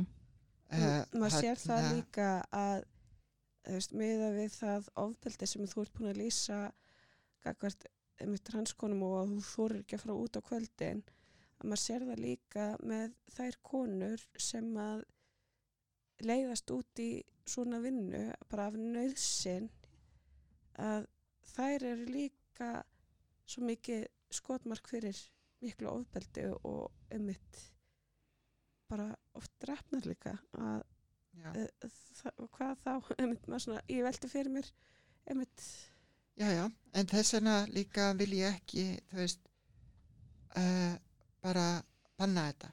Já, vegna þess að ef við bara bönnum þetta þá ferður þetta bara underground. Mm, Já. og það, ég held að það sé bara verra fyrir konunar sjálfar. Mhm, ég veit ekki, ég veit ekki og er ekkert með lösnina hvað er rétt að umgerðin í þessu. Mhm. Mhm. uh, það verður eflaust best að tala við bara konunar sjálfar. Og en þannig að, að mín hugsun er bara þú veist því miður, alls konar svona mun alltaf líðast. Mhm, út af bara uh, það er því miður alltaf þó að segja rosalega margt indislegt og fallegt í mannsálunni mhm, þá er því líka bara ótrúlega mikið myrkur í henni líka. Einmitt. Og uh, þannig að, að hvaða leið sem verður farin þá verður það að vera með þeirra öryggi í huga. Þar sé kvennana og ungu strákana sem vinna við þetta. Mhm, það eru ungir samkynniði strákar sem er hend út af heimilinu. Mhm. ungar transkonur sem er ekki búin að fara í gegnum uh, neina hormóna með þeirri eða neitt. Það eru alveg jafn mikla transkonur. Að þær lenda oft í mesta ofbildinu uh, konar sem hafi verið að drepa og nú eru orðnar 40 transkonur sem hefur búið að drepa bara það sem er af þessu ári í bandaríkjanum uh, það er af langflestar litaðar, langflestar í kynlífsvinnu. Mhm. Og frettaflutningurinn af þessu er þannig þetta var bara þeim sjálfum að kenna. Þeir voru kynlífsvinnu en þetta voru ungar konur kannski um tvítögt Mhm. vill tvítus og þrítögt sem var hend út að heiman þegar þær kom út. Mhm. Einmitt. ég fekk alveg að vita það líka þegar ég var þú veist 13 ára ef ég hagaði mér ekki svona svona svona svona ef ég gerði ekki þetta þetta þetta þá er mér hend út. Mhm, og það var stöðut sagt við mig. Erðu, ef þú gerir ekki þetta þá hendi ég er út Mhm. ef þú lærir ekki þetta þá hendi ég er út Mhm. þú veist, þannig ég bjó alveg við það þá, þann átta Einmitt. ég hugsa stundum í dag það hefur verið betra samt fyrir mig að vera hend út Já, því að þið komið út fyrr Hvað varstu gömul þegar þú fluttir að heiman? fyrst, Já, fimm ára já, Þú varst tók þá- engin eftir því. Þú varst þá með svona prík með tóparsklúta endar með Já, ég man nú ekki eftir hvort það var alveg svo, svoleiðis en en ég, það var vissilega tópasklutur og, og það var bonsið minn og annað og það var Mhm. vetri til. Ég fór út úr gluggan lappaði og lappaði först í einhverju skabli var alveg að deyja. Veit ekki, fyrir mér var þetta heil eilið þegar ég loksis kom heim tilbaka, þá hafði enginn tökja eftir ég að var farin En þess vegna langar mér einmitt svolítið að spyrja þegar að, að þú elst upp á svona heimili Já. gerir þú þér grein fyrir því sem barn að það, það ert ekki þú sem ert veik þú veist, nei, að fóreldrarnið þín er, er nei þeir sem ég er bátt tók ábyrðu allir saman. Þetta Já. var mér að kenna. Ég, ég var fætt vond ég var fætt ill ég var fætt öðruvísi röng og og ég var með sektakend alltaf með sektakend þú ert stöðut að reyna að bæta fyrir að hafa fæðst vond. Og þú veist þetta sko pappi sagði við okkur við höfum fæðst vondar ég og yngri sýstu minn og hérna og þegar ert hinsegir barn og veist að það er hinsegir barn þá er mjög öðvöld að trúa því. Mhm.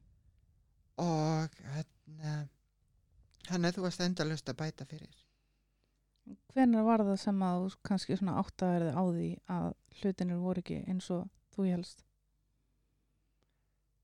þú veist, maður er alltaf að sjá það bara betur og betur. Já, en þú afnýtar öllum anskotunum og kennir þú, síðan sko ferði gegnum svona ferlið þar sem þú hamast að að fyrirgeða þeim.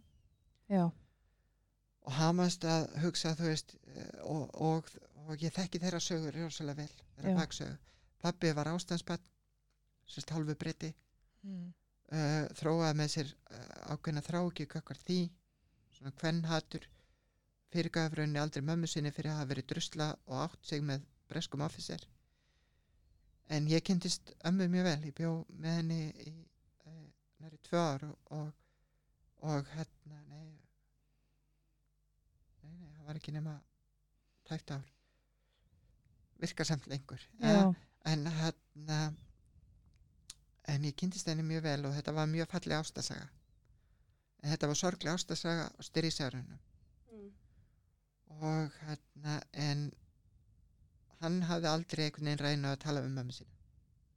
Já, og hún síðan giftist uh, Íslending og átti með honum tvö börn. Hann var fósturafi minn og var setna fósturpappi pappa og pappi fannst hann alltaf einhvern veginn var alltaf með minnum átt að vera ekki sonur hans og vera halvu bretti og eitthvað svona og, og hann þróa með sér þennan þennan bituleika þetta hatur á og þessa kvennfyrirlitningu og reyði kemur út frá því. Mamma var 16 ára óleitt elsta bróða mínum sem er 15 ára en ég. Uh, á hann þegar hún er 17 og var neitt til að giftast þeim manni og hann var 8 ára meldri en hún og var kennarinn hennar í kvennaskólanum Oh. hann var uh, alkoholisti og þeirra saga var ekki drosa falleg og hérna reyndi ofta að fara frá honum en var sendið baka að því amma vildi ekki taka á móti fráskilinni konu að því að fráskilinni konu voru vel svo órur þetta var bara á þessu tíma. Hún, en hún á endanum fór frá honum. Þegar uh, þegar og þá voru þau, þú veist eldri sískinni mín bara þau yngri bara hvað tekja þryggja og hinn fjögur, fimm eða fimm og sex eitthvað svo leiðis Mhm. hún fer frá honum. Og hún kynist pappa uh, árið setna eitthvað svo leiðist tæp árið setna og þau voru saman ykkur sex ára en ég fæðist.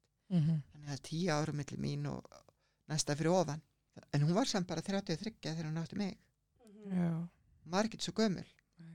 en, en þú veist þegar ég er 13 ára og hún þá 46 þá var hún búin að gefast upp Já. þá var hún hægt að klæða sig uh, reykti þrjá baka dag dópaði út á söður uh, var alltaf bara í náttúrunum Mhm. var með eldvarnateppi yfir sér að því hún var alltaf kveiki öllu að því hún var alltaf þú veist að þetta út og inn og meðvitund Já. og þá var ég kannski að koma heim á skólanum finnandi hann er búin að pissa sig æla sig eitthvað Mhm. og þá fer hún að taka mig á trúna og sagði mér alltaf sína sögu Já, einmitt. og eitt af því sem hún sagði mér að hún vildi ekki dagur Já, einmitt. en hérna hún var hún varð vinu minn Mhm. og hún var rosalega velgefin kona bjó yfir alveg fullt af hæfileikum. Fór illa með þá. Mhm. varð undir í lífinu. Hún var ömuleg mamma. Einmitt. hún var alveg krapp mamma. Uh, og hún var reyðirni sér og betur og það hún átti það til að láta það bitna okkur. Mhm. svona stakk. Mhm. og hún barðist við þunglindi og anorexíu og dánarásökin hennar þegar hún er 66 ára uh, hún búin að segja hún vildi ekki vera 67 ára hún bjó öryggibandaleginu Já. í mörg ár og þegar hún var 67 ára þá er hún að flytja á hjúkurunaheimili og munun á því að búa í íbúð hjá öryggibandaleginu og fara á hjúkurunaheimili var að hjúkurunaheimilinu er henni skamta lifin Ég skil. en ekki þú veist og hún deyr færir heila blóðfall og deyr uh, 31. januar uh, 2004 og dánarósakinni langvarandi vannaring þá var hún búin að þykjast fyrir að borða en hafði ekki borðað mjög lengi hún svelti sér hel Já. hún var búin að ákveða að allir ekki verið 67 ára Mm Ætlaði sér ekki. Nei. en ég meina að við fengum að heyra það ef að við, eins og ég segi ég og yngri sýstum var sett í fóstur til ættingja Mm og hérna í tíma átum að það voru 12 ára og þá fórum við að vinna fyrir fullu fengum ekki val um það -hmm. Kallinn, sem sagt pappaðinn. já, Já. og hérna það var sérst ekki valkvætt Eh, það var þekkskildu vinna Mm. uh, en hérna þegar við komum svo frá þú veist, í fóstri þar sem að var hugsa vel um okkur þú veist uh, á mörgu leiti Mhm. að hérna og maður var kannski búin að bæta á sig en maður horfir á myndi núna þú veist, ég var aldrei feit. Nei, en það var oft sem að sagt þú veist, "Hó, svakar er orðin feit. Ha, ógeðsleg og þú veist alveg frá því að ég var fimm ára gömul. Þannig að maður var alltaf að berjast við að vera sig grenstur. Mhm. Og ég lendi á spítala ég var 16 ára og sprakki með botlangin og ég fekk lífinunubólgu og lúnabólgu Mm. og var inn á spítalunum þrjá vikur og misti helmingina líkastingdini það var bara eitthvað um 40 kíló eða tæplega 40 kíló Mhm. uh, hann 30 eitthvað þegar ég kem út sko Úff. og hann var sér 75 kíló þegar ég fer inn en var Mhm. eitthvað 37 þegar ég kem út og var bara nær döðin lífi Mhm. og átturinn að deyja í tvígang en, en lífsnistinni þröskur í mér Já, Já. heldur betur. og hann og og hann það man ég eftir því að mér fannst ég samt feit Já, einmitt. Þessi og það var líka eitthvað sem mamma þarf að berjast við Einmitt. Og ég er alltaf að berjast Mhm. Mhm. ég hef samt aldrei verið jafn feit eins og ég er núna Já, alveg En- bara. en ég er samt þú veist, ég er samt sáttari við sjálfa mig núna Já. því að ég er, í, ég er rétt og það böggar mig minna Einmitt. Þú veist, að vera mýgri Já, nákvæmlega. að því ég er einhvern veginn rétt mjúk Einmitt. Já, og hérna og bara þú veist já og maður læri líka þú veist, fólk er alls konar Mhm. Einmitt. og hérna og líka þú veist bara hvað þetta er raunghugsun Akkurát. Mhm.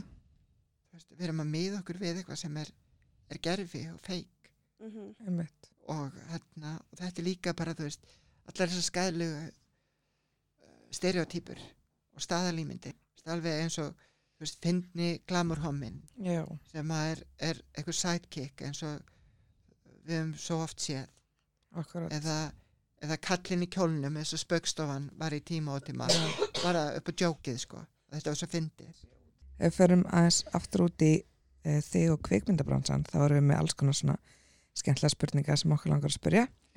skjótið Um, fyrsta sem mig langar að vita er ef þú mætti velja þér eina aðra starfskrein innan kvikmyndabransans, hvað myndir þú velja?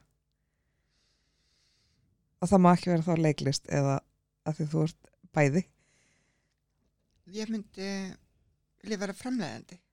ok, Ég myndi vilja uh, vera raunni, þú veist, bara að vinna við að framleiða svona efni eins og mér dreymir um, þú veist, mm bara alls konar þætti emitt en líka þannig að það væri alls konar fólk í þáttunum. já, Mhm. Það gæti alveg verið, þú veist, löggudrama og en, þú veist, uh, en lögreglufórikin á eigin mann. já, En það bara talar um, þú veist, já ég þarf að fara til mannsimis. Annars að það sé verið, þú veist, það verið issue eða eitthvað Einmitt. fyndið eða eitthvað vandrarlegt, heldur verðið þannig að við sjáum mennskunni í sjöldu saman. já, að það sé búið að lýsa og- það Og að transmanneskjan sé ekki morðingin. emitt, já, veist, það nákvæmlega ekki, þú veist, kall í kjóli en að þú Einmitt. veist, uh, einhver geðsjöllingur eða eitthvað annað. Mhm. Uh, réttar minna fræðingurinn gæti verið, þú veist, transkona. akkurat, En það verið ekki dissi hún verið transkona. Mhm. Já, skemmtilegt, já Þannig að, að framlega þætti með alls konar uh, fólki Mhm. og, og líka taka áhættur í, í svona leikaravali. veist, þannig að, Mhm. að, að vissulega þurfa allir að fá salt í grötin og, og það eru margir frábæri leikarar og frábæri leikonur. En maður fer að sjá svona, þú veist, uh, rosalega mikið sömu andlitin Mhm. í rosalega mörgu Jöp.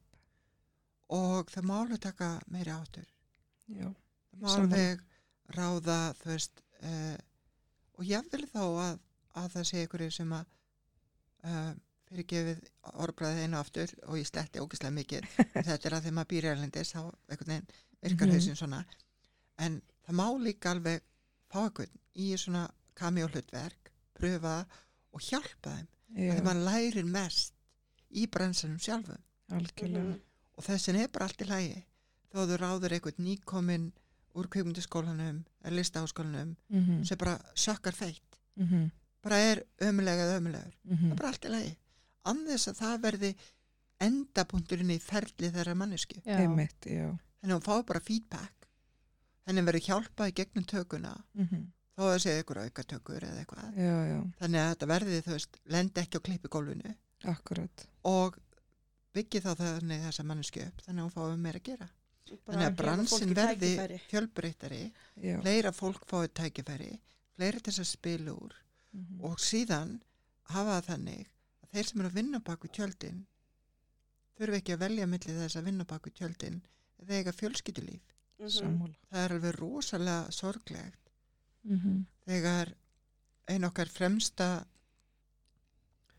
hérna, make-up artist, svona hérna, förðunafræðingur, já, bara eins og bestaði bransanum, fannst hún þurfa að velja milli þess að halda áfram með bransanum eða hætta mhm, allan að tímabundið til þess að bara geta verið með fjölskyldunum sinni. já. Mhm.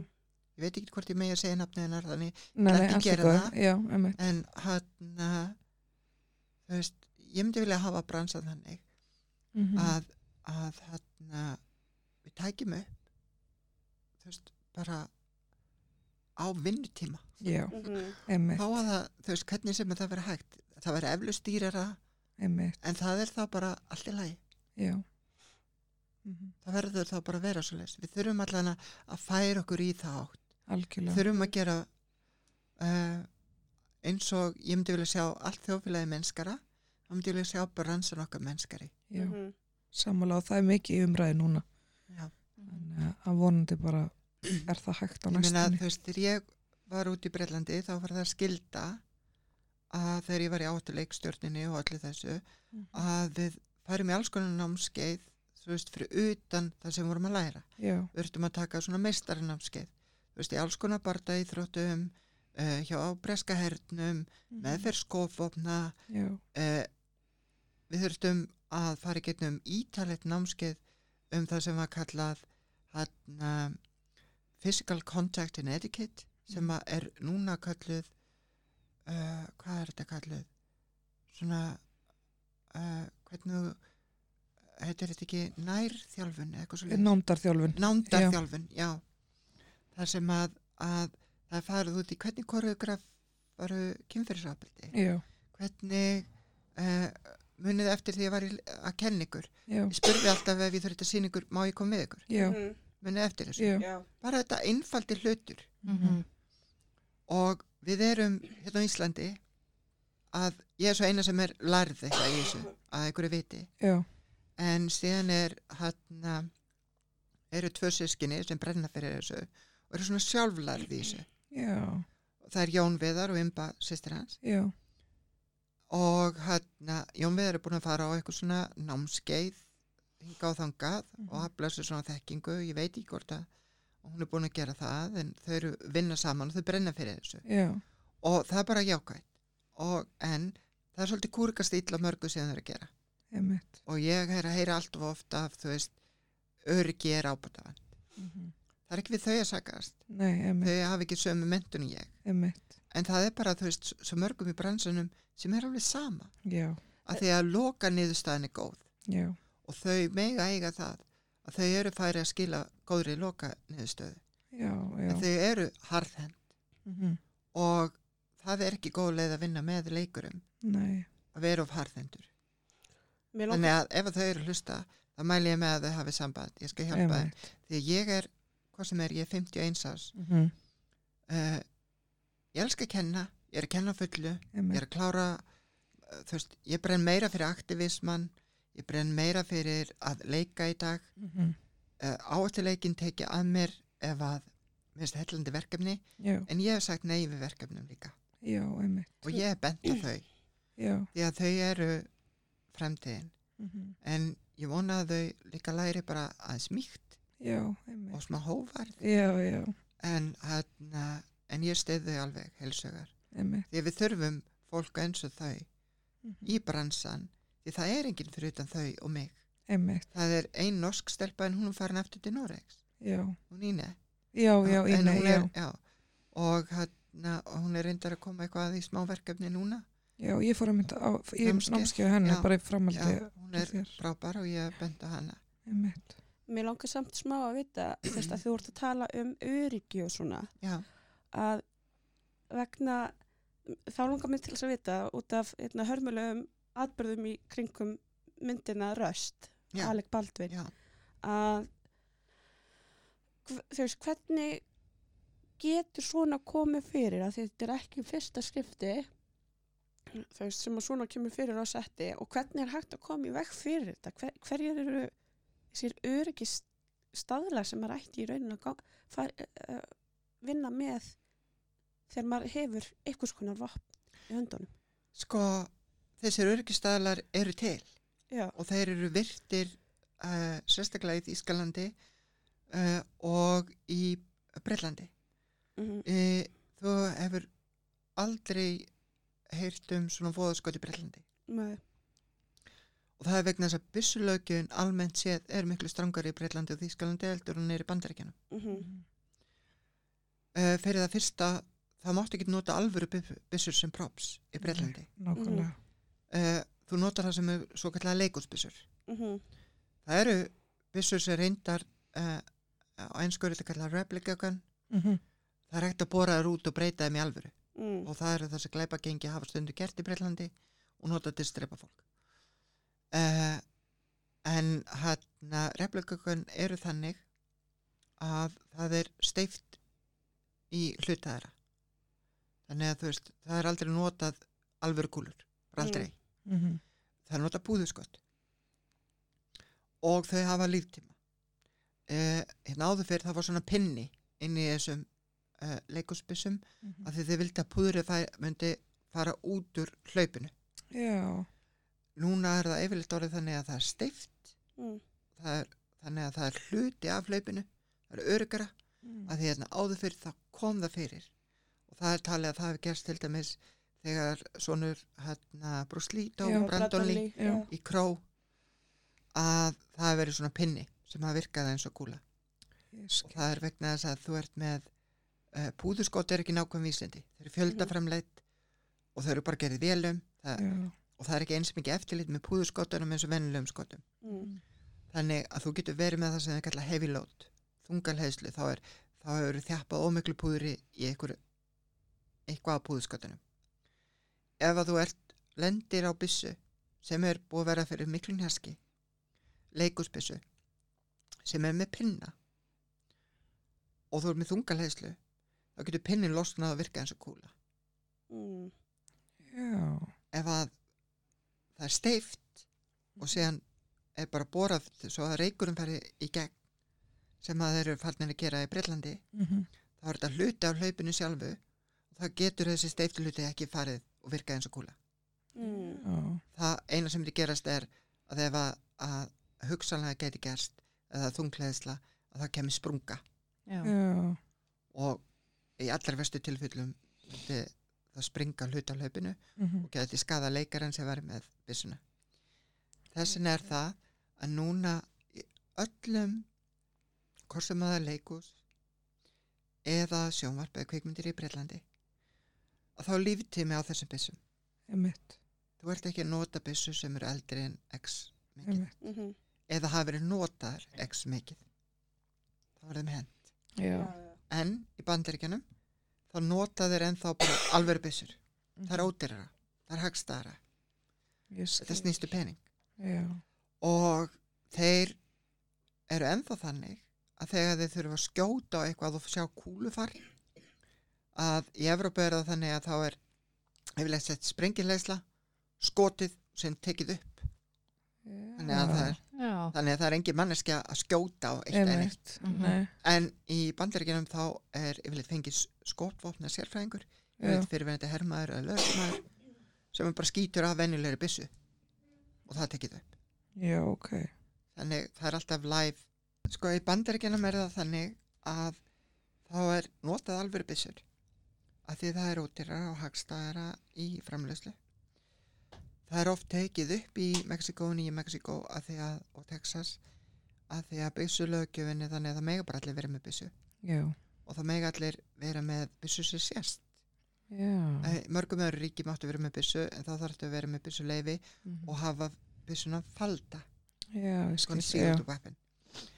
uh, en ef þú ert að taka upp kúrkamynd þá er mjög hagstætt að taka hann upp í Nýju Mexiko Mhm. af því að þú getur notað hvaða byssum er og þú, það er enga reglur um það að þú þurfur að nota hafa eitthvað sérstakann öryggisverð með þessu byssum þú þarf bara að hafa öryggisverð Já. og það sem ég skilst að það verið að það verið nemi Já. Þannig skildu við þetta líka. sem að hérna, var ábyrg fyrir byssunum Mhm. þú veist, þá, erum við ekki að tala um áhættu leikstjóra eða eitthvað sem hefur gengið gegnum svona skóla eins og ég. Mhm. það er eitthvað sem að, þú veist og hefur ekki einu sinni fara á, á námskeið og virkilega, þú veist, farið í rannsóknarvinnu eins og Jón Viðar og sýstir hans sem að þó hafa, þú veist, virkilega lagt sig fram og lagt metnaði það sem þeir gera. Heldur er þetta eitthvað sem er bara að byrja í ferlinu?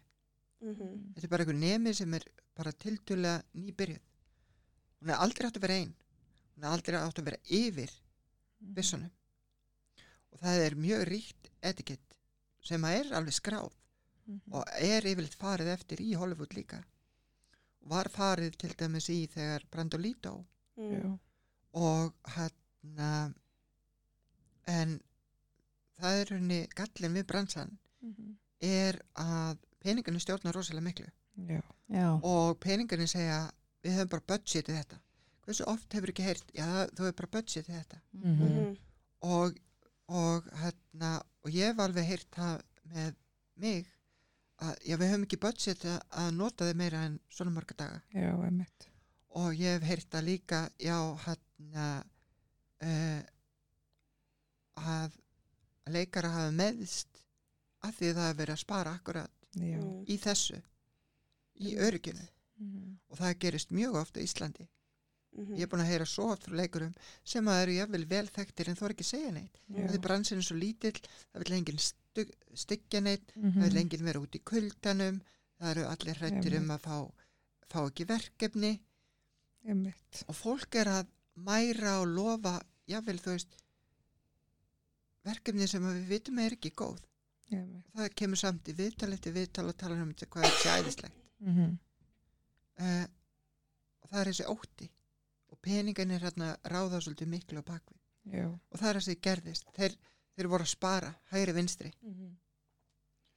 og hann er titlaðar framlegandi en það er bara mjög algengt að það er gert með svona frægar stjörnur að þeir vera meðframlegendur Já. það er ekki þar með sagt að þeir komi að framleiðslu fyrirtekinu Nei, eða framleiðslu ferlinu Mhm. nei svo er þetta oft bara þegar að leggja peningi í þetta. þeir leggja peningi í þetta Já. Þeir fá nafni sitt og þau taka bara veist, þá minna í laun til þess að byrja með og taka Mhm. hlut af hagnaði Einmitt. þannig virkar þessi meðframlegendur mjög oft Mhm. þau hafi ekki hugmyndu hvað er að gerast að baka tjöldin Nei. Mhm. þannig Þau ég stóri efast um að hann sko. hafi vitað eitt eða neitt Nei, Mhm. einmitt. og það er einhverju sem vilja klína þessu á hann það finnst mér veist, uh, vera hengja pakkara fyrir smið Já, En einmitt. það er mitt, við rættum þetta einmitt hérna í einum þættinum já, að þá einmitt þegar að Marja sá fréttina þá einmitt var hún bara hvað, ok, hann er búin að missa það hann bara skaut konu á setti Já, ég las þetta þannig, Já. þú veist, eins og hann væri Og- bara þá bara fyrsta frétti sem kom Já, út. og bara. það bara, fréttin líka bara hljómaði þannig en ég mitt,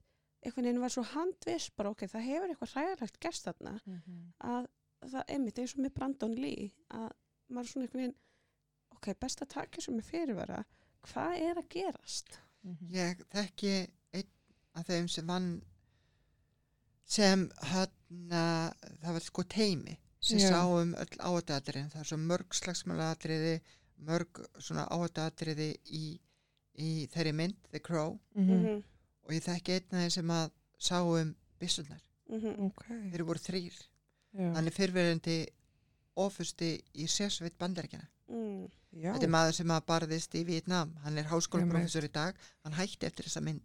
Já, að ok. fór að kenna og, og var sá aðalega sem kendi mér þú veist, þetta weapons etiquette Já, ég fór að já, skofotna námskeið hjá honum. Já.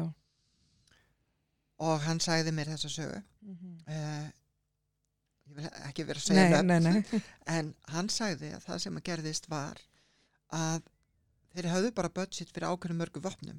Mm, og það var farið í gegnum það og passaðu rosalega mikið upp á það og etiketti er það að þeir farið gegnum alla byssunar mhm, þeir gangu skuggum að allt sé rétt áður og það er bara þeir og enginn nema þeir sem afhenda leikarann með þetta. Já. mhm, Já. Það er ekki þannig að það sé einhverjir tveir, þrýr milliliðir mhm, eins og gerðist í þessu. Mhm. einmitt, Þú veist að allan einn milliliður, Mhm. ekki tveir. mhm, Og hann að séðan var það að þessu lokaatri þar sem hann deyr þá vildi leikstjórin breyta atriðinu, vildi fjölga byssunum, vildi hafa fleiri byssur Mm.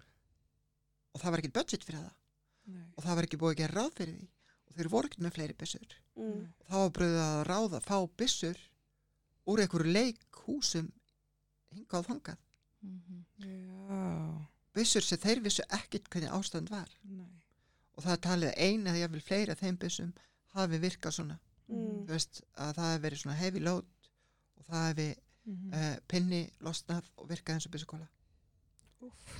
og hann þeir neitaði að byrja ábyrðað á þessu og þeim var bara hótað að reka ef að þeir færi ekki yfir það Mhm. og þeir fóru yfir byssunar og þeir virtust í lagi Mhm. en greinilega voru þær ekki í lagi Nei, og þeir vissi ekkit hvað þau voru gamlar þeir vissi ekkit hvað var búið að nota þær mikið mm, og í leikúsinu þá er yfirleitt þessa byssur þá eru það að nota með sko það, hérna, þú getur keft púðuskott og sen getur keft það sem er kallað svona baby púðuskott Mhm. Já. sem að eru miklu léttari og eru fyrir leikús eru fyrir startbyssur Mhm. Þú veist, þetta eru svona púðuskott sem er sérstaklega fyrir startbyssur upprúlega framleitt Mhm. en mjög oft notað í leikúsinu það eru léttara, kvellurinn er léttari Mhm. og það er yfirleitt notað í leikúsinu en í leikúsinu er líka mjög illa farið oft með þessar byssur mm, Já. þetta er þú veist, þetta er að lenda á gólfinu í tíma og ótíma, það er Mhm. einhverja stimpingar veist, og þetta er að lenda að því að þú veist, þetta er Já. fólk er að horfa og það er eitthvað atriði það er einhver sem tekur upp byssu og það er kvellur og það ráðist á hann og byssa lendir kannski utan í leikmyndinu og á að gera það Já. mhm, verður fyrir veist, að meðan er mikið pass, betur passa upp á byssunar á kvikmyndisettinu Mhm. um, það, og það sem gerðist var náttúrulega að, að peningaöflin réðu. Mhm. það var nota byssur sem voru ekki örgar og Brandon Lee dó. Mm, það sama verið skerast þarna. Að hún er óörg hún er nemi aðstofalegsturinn kemur Mhm. með sitt vald heimtar að fá einhverju byssu og, og hún segir að hún hafi skoðað hana hún segir einhver annar hafi sett kúlun í Mhm. hann segir hann að fengið það bara frá henni. Ég- maður veit ekki hvað gerðist. En hver er En- þá ábyrgur fyrir svona? sko, Já. samkvæmt Hollywood samkvæmt reglunum sem er til staðar þá er það hún Já. Já. En það er sorglegt þessi nemi hennar ferilli búin Mhm, já, Já. og en það er hennar mhm, það er ef að hún er weapons master eins og í þessu tilfelli Mhm.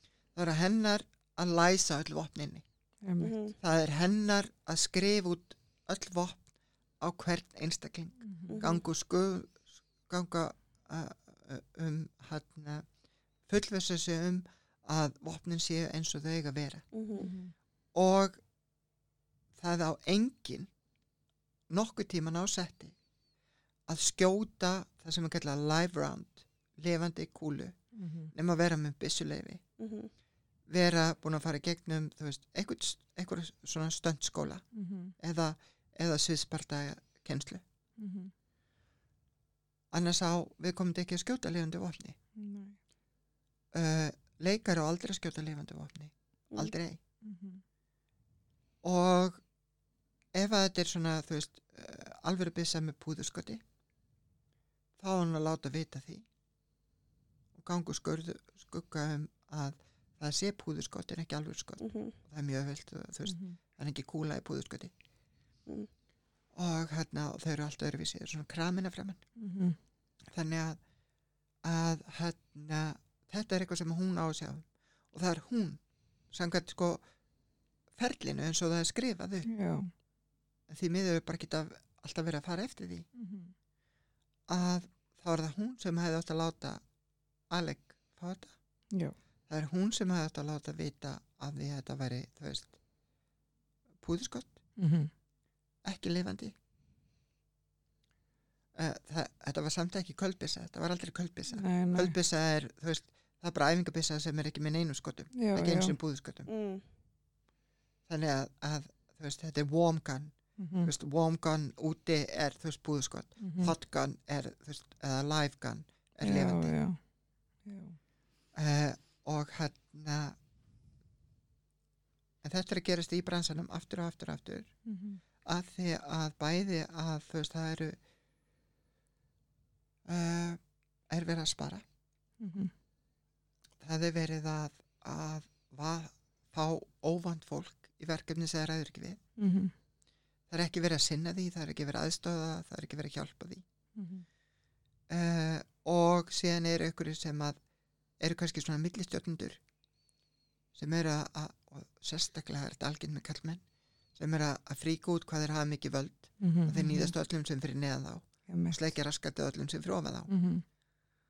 og hérna svona American Psycho já. og hérna og þeir valda hérna yfir hana greinilega Mhm. og það er allan að tveir einn eða tveir sem hafa komið við byssuna áður en aðleik fær hana mm, Já. já. Og ég meina, þú veist, það var líka búið að segja að hún hefði sagt fyrirfram að hún var ekki alveg tilbúin í þetta verkefni Mhm. nei, nei, og það getur vel verið einmitt að þessir kallar hafi verið bara, já, já, við aðstöðum við þetta er ekkert mál, mm, Mhm. þú veist. Já, já ég meina við vitum það bara þú veist að í bransunum Íslandi eru þau ofta að ráða fólk uh, sem að kannski er mjög óvand bak við mitt. til þess að spara pening. Mm, það verður einhvern sem að kannski þú veist uh, auðvitað á að ráða það fólk. Mm það þarf að byrja einhver staðar. Mhm. en þá ætti að ráða það með öðrum sem er vanur. Já. þannig að þú sért ekki bara ein sett í mhm, og, en það er rosalega oft sem að vera að setja fólk í djúbulögina Mhm. Og síðan skammast yfir það og maður hefur heyrt sem að þú veist, legstur að vera skammast yfir einhverjum sem er ekki að sinna þessu eða hinu eða fatta að færa einhvern sandboka ég meina þessi mannski hefur aldrei gert þetta aður Nei, nákvæmlega. En talandi um alls konar svona og eins og þetta algjörst klúður, hefur þú, þegar þú hefur verið í svona stöndverkefnum, já, hefur þú ekkert tímann lent í því að slasast? nei, Nei. 7.13 ég hef uh, ekki lendi því ég hef svona náttúrulega hruplað með og svona ég, veist, kannski sérstaklega að ég var yngri leift með meira Mhm. og ítt með meira og ég hef svona kannski meitt mér svona að fengi kúlu á hýstinni eitthvað. Af því að ég hef verið að pröfa eitthvað, þú veist, uh, útfærslu hvaða, hvað ég hef geta leift leikarunum, hvað er örutt og þá hef ég svona farað út að ístunöf, já, Mhm. en aldrei þannig að ég hef stór skadað mig. Nei, og það er náttúrulega bara því ég hef þekkinguna. Já. En, en maður hefur hruplað sig og svona og kannski fengið marbletti og ýmislegt til þess að passa það að engin leikari í mínum höndum Mhm. þurfi að, að hrupla sig eða með sig. Einmitt. og það hefur alveg verið móttu á mér, það hefur engin meðist sem ég vinni með það hefur engin fengið marblett sem ég vinni með Það er mjög gott.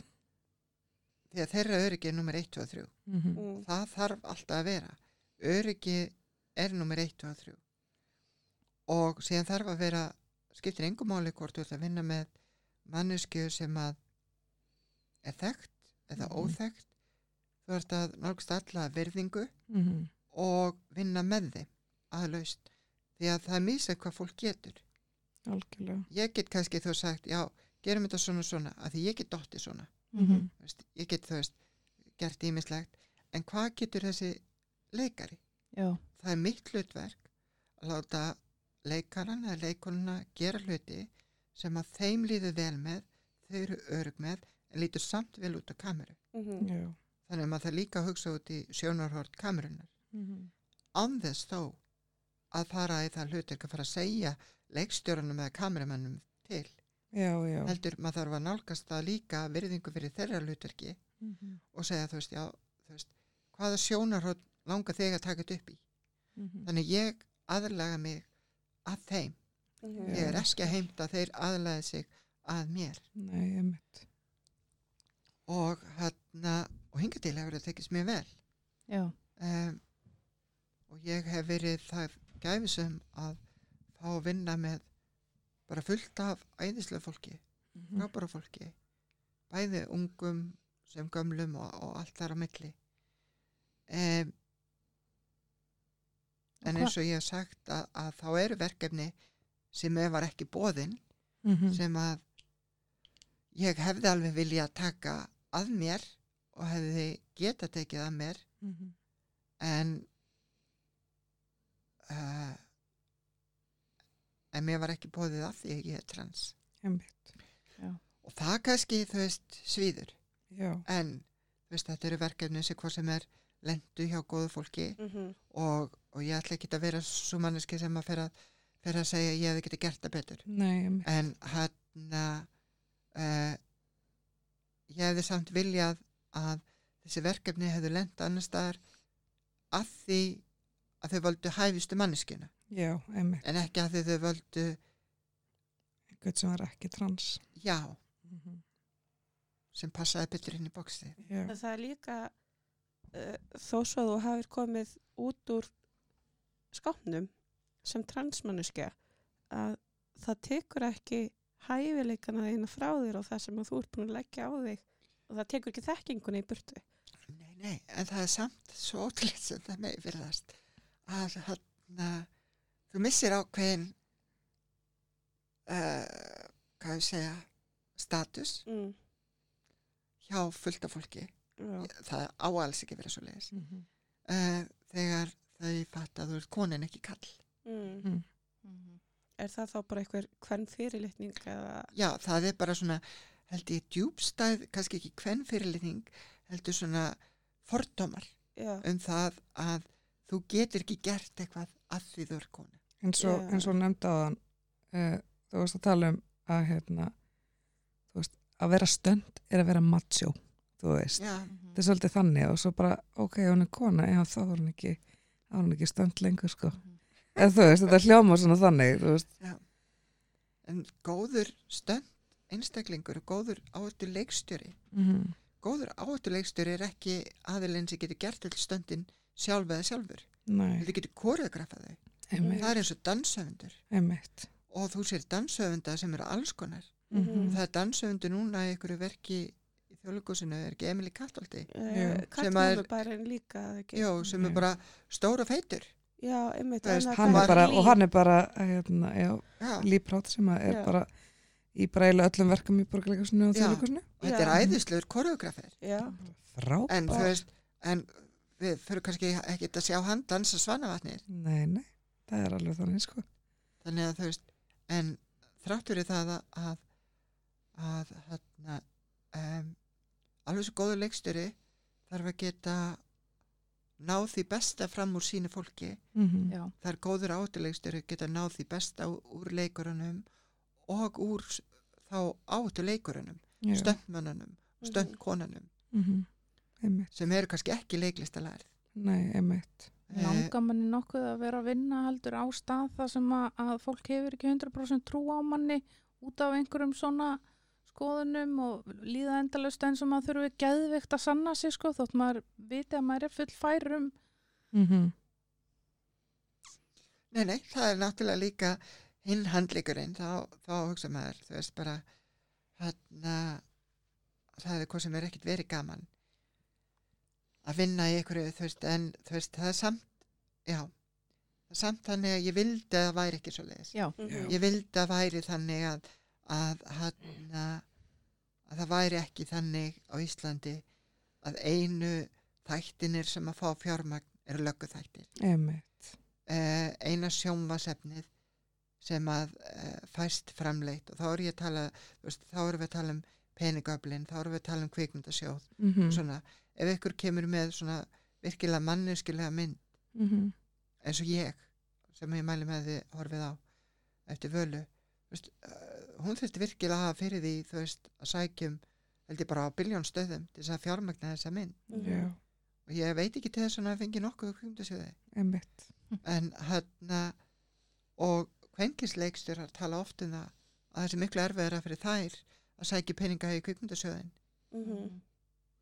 og heldur en, en kalkinsleikstjórin mm uh, og það er bara þú veist uh, og verkefni svona spennandi verkefni það sem er til dæmis eins og fangar sem var Mhm. allt um konur Mhm. svo góði þetta sko já, Mhm. það stóð til að gera uh, fanga tvö já, ég er en það, að er bara, en það er bara verið að vera mjög erfitt að fjármagna það. já, ég er búin að heyra það og, og maður spyr sig byrju, en ef þetta væri þú veist um kalkinsfanga mm -hmm. væri það búið að fjármagna þetta þrisa sinnum Einmitt. þannig að þú veist mér finnst að bransin eigi ekki vera svona og mér finnst að bransin eigum ekki sætt okkur við að bransin sé svona. Nei, og þess vegna finnst mér allt í lægi að, að mér finnst sárt að, að ég sé ekki valin þegar ég veit að ég er hæfasta manneskjan að því ég er trans. Akkurat. En ég er líka alveg sammála því að mér langar ekki að vinna í einmitt.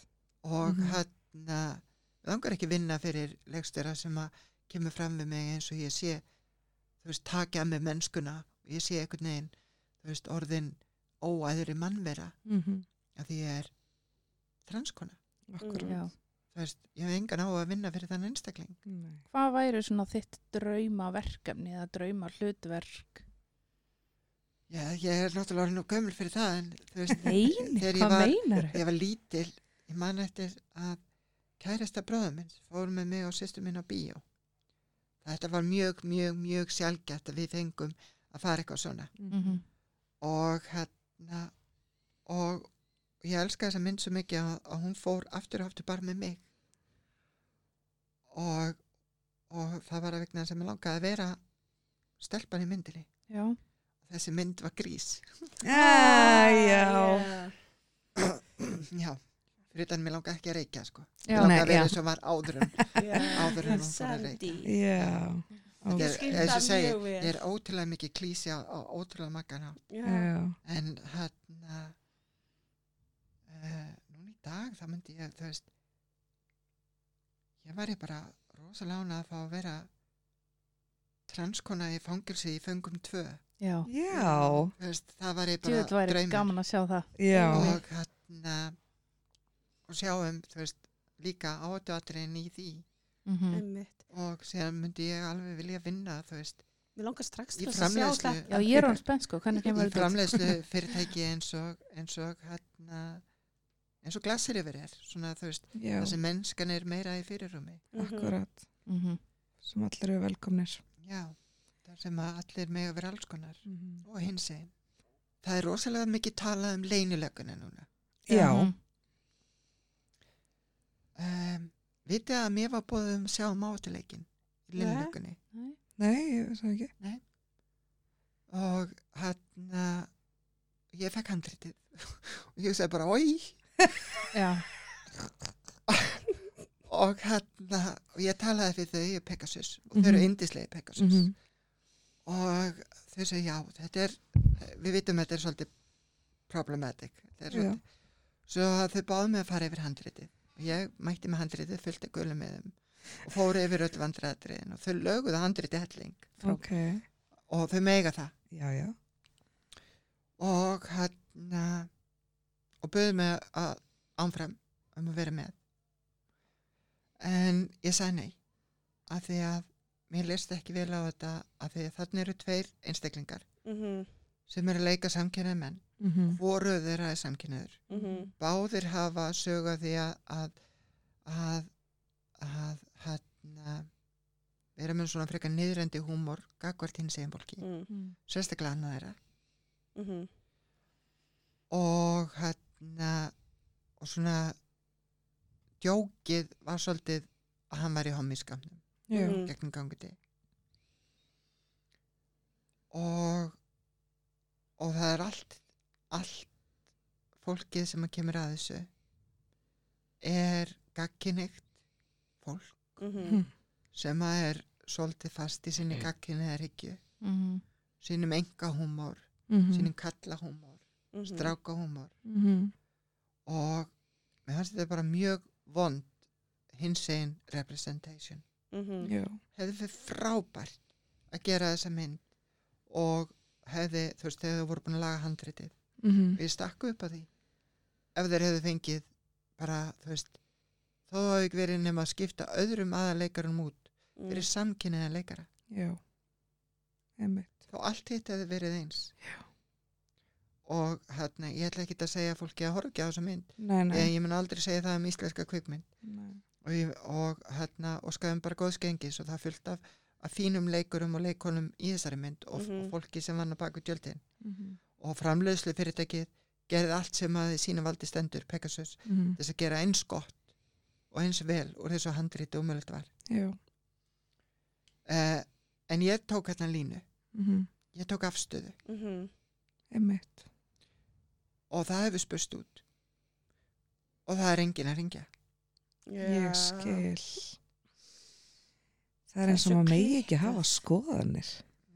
En það er mitt, það þarf fólk eins og þig til þess að veist, þó svo að þú finnir fyrir því að standa upp fyrir veist, hins eginn samfélagið og benda á það sem að fer uh, illa veist, í samfélaginu og að fræða okkur hinn bara, mér finnst þú við svo ótrúlega mikil fyrirmynd fyrir alla í þessu og þú veist og það, það er svo hvetja eða þú ert svo hvetjandi til þess að fá fólk að, þú veist, að það hefur þannig áhrif allan á mig að mér langar til þess að fræðast bara meira Mhm. og fara betur að Já, málum vilja vera betri og passa sig betur. einmitt. Já, og það þarf einmitt fólki svo þið til þess að standa upp fyrir svona fólki sem að og benda á það sem er ekki gott. Akkurat. Þannig að þó svo það sé ótrúlega leðalegt að síminn hætti að ringja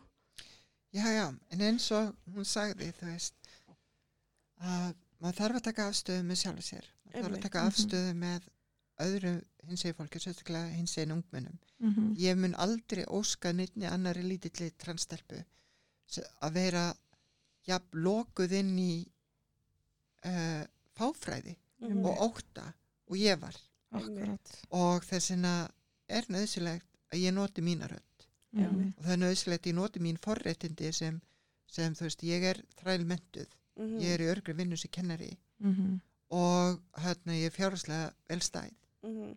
að ég noti mín forréttindi til þess að verða rödd fyrir, þeir, fyrir, fyrir runni það fólk sem að hefur enga rödd Já, Mhm. akkurat og hérna og ég mun fá eitthvað að gera aftur í bransanum já, já. það bara mun líða einhver tími ég mun kannski aldrei fá einn stór hlutverk eins og kannski þú veist uh, uh, mér langar í en ég mun fá góð hlutverk já, Mm. uh, af því þau verða mín hlutverk Mm. einmitt og það er þessi skipti máli og líka þú veist að kannski hundra árum eftir ég er farin eitthvað, Mhm. að þá verður kannski fólk segja, já, hún kannski svo fyrsta Mhm. Einmitt. og það þarf einhver að vera fyrstur að segja, Mm. hei, þetta er ekki lægi algjörlega en að lokum þá erum við Já. með tvær spurningar sem að við spyrjum alla já, og ég ætla að spyrja þig líka já, hvað er uppáhaldskveikmyndiðin og af hverju? Er það grís? sko Ne- nei, það er reyndar ein önnur Ok. Grís 2. nei, það er Princess Bride ok. Mm. Er það með Anne Hathaway? nei, Nei, ok. nei. Ætlaði að fara að drulla yfir hann hefði Já, æ, sorry. Við elskum að drulla yfir Anne Hathaway nefnilega, ég hún á samkynnaðan bróður og hún er þú veist, LGBTQIA plus friendly Ok. þannig ég vil aldrei drulla yfir Anna Hathaway Já, aldrei. ok. hún er Við yndislega erum saman í liði hérna, ég og Arna. Okkur finnst þú bara að læra leikuna. en það er mál. hérna, nei, Princess Bride uh, er svona köld kvikmynd Ok. hún hefur einstaklegan húmor hún hefur falleg skilaboð full Mhm. af ást og gleði og húmor og rosalega flottum skilmingadriðum Ó. flottasta skilmingadrið og það sem ég sérhafði mig í sem áttulegstöri eru skilmingar Mhm. og ég stend og fell með því það er engin íslingur lifandi eða döður ekki einu svona fættur Mhm. sem er jafn góð í að koreografa og útfara skilmingar í kvikmyndir og sjóvarp og ég Ú, og það stend ég við já. Ég trúi þér. uh, Já. og en þetta er líka ástasaga Mhm. og og hérna hún er sterk og hún er öflug Mhm. prinsessan sem að er samt ekki prinsessa Já. uh, en hún er samt svo kvenleg og samt svo flott Mhm. og þeirra ástasaga er indisleg og þegar þú gast ekki sagt að þú elskar eitthvað Mhm. þá bara brostur og sagði as you wish Já. og eins og þið líkar Mhm. og ég man að ég nota þetta á, Já. á hérna þetta strák sem að segja hann vildi ekkert með mig hafa þegar ég var 13 ára Mhm. alltaf þegar hann var eitthvað að tala um mig þá segja eins og þið líkar Mhm. og því ég var ógislega hrifin á hann Já. en hann var, þú veist, náttúrulega vildi ekkert með mig hafa Já. því hann sá mig ekki. Nákvæmlega. Þá er komið að loka spurningunni Mhm. sem er uppáhald spurning okkar allra. Já. Segð okkur eitthvað um þig sem fáir eða engin veit. rugglustar en sem fá að vita en samt vita að þetta held ég ógislega margir Já, já, ekki, það, er veist, ég er rosalega opinn Já, og það hef ekkert að fyrir lengur það Einmitt. er ekkert í, í hérna, skáfnum mínum nema bollar og diskar já, Já. Eh, Eins og það á að þannig vera. að, að, nákvæmlega. að ég hef ekkert að fyrir lengur Nei, ekki neitt en það sem að fá að vita er að hérna að ég tók þátt í opnuna atriði Oktoberfest Battersea Art Center sem var svona virtasta freynsleikusið í London. Mm. uh, fyrir framann næri 300 manns alveg, veist að á svona hátíðatröppuna þeirra og svona stórar svalir. Ég og og, og annar leikari nakin Já. Já, í gulli og glimmer og vöksuð frá toppið til táar og löpum sér út á götu nakin var hluta gjörningnum við Mhm. dönsum svona, þú veist, hann var engill, ég var djöfull og hann og dönsum öll í glum og gull og glimmer endum síðan alveg nakin og löpum út Já, ok. Vá. þannig að ég er búin að koma nakin fram Já. þannig að þegar, þegar hann söng ég mun gera allt fyrir fræðina nema að koma nakin fram Já, ég er búin að koma nakin fram Já. það er geggjað. mm Hvernig leiðir eftir á? Þetta var mjög valdeflandi. Já, ég get ekki? því. Því þarna var ég sko komin út já, og hérna og var þú veist uh, hérna svona bara þú veist að prófa mig áfram. Mhm, og og hérna og þetta var svona í fyrsta skipti sem að mér varst fólk sjá mig. Já, Mm. sko mig en ekki Já. bara og, og fyrsta skipti sem að fólk sagði þú veist að ég var í falleg eitthvað sem ég hafði aldrei upplegað um sjálfa mig. Mhm. þannig að það var mjög valdeflandi Já. þetta var náttúrulega listagjörningur Oktoberfest, það var Akkurat. allt leikúsfólk Já, og fólk já. í bransanum þú veist, þannig að þetta var svona erotist en þetta var ekki veist, Mhm. þetta var ekki svona eins og hérna Páll Óskar orða þetta einu sinni sátt, sætt og sóðalegt, það Nei, var bara sætt já, já, ég skil. Mhm. En Arna, Mhm. það var ótrúlega gaman að fá þig Og- sem leðis það, þetta var átakanlegt að hlusta á söguna þína en samt svo ótrúlega fræðandi og bara ótrúlega gaman að líka spjalla við þig um bardaða listina í bransanum þannig að mér langar bara til þess að þakka þér kærlega fyrir að koma og deila á svona opinskáan hátt með okkur Tek Sjálfsagt bara undir, maður. Já. Takk fyrir mig já, Já. takk æðislega. Takk kærlega fyrir.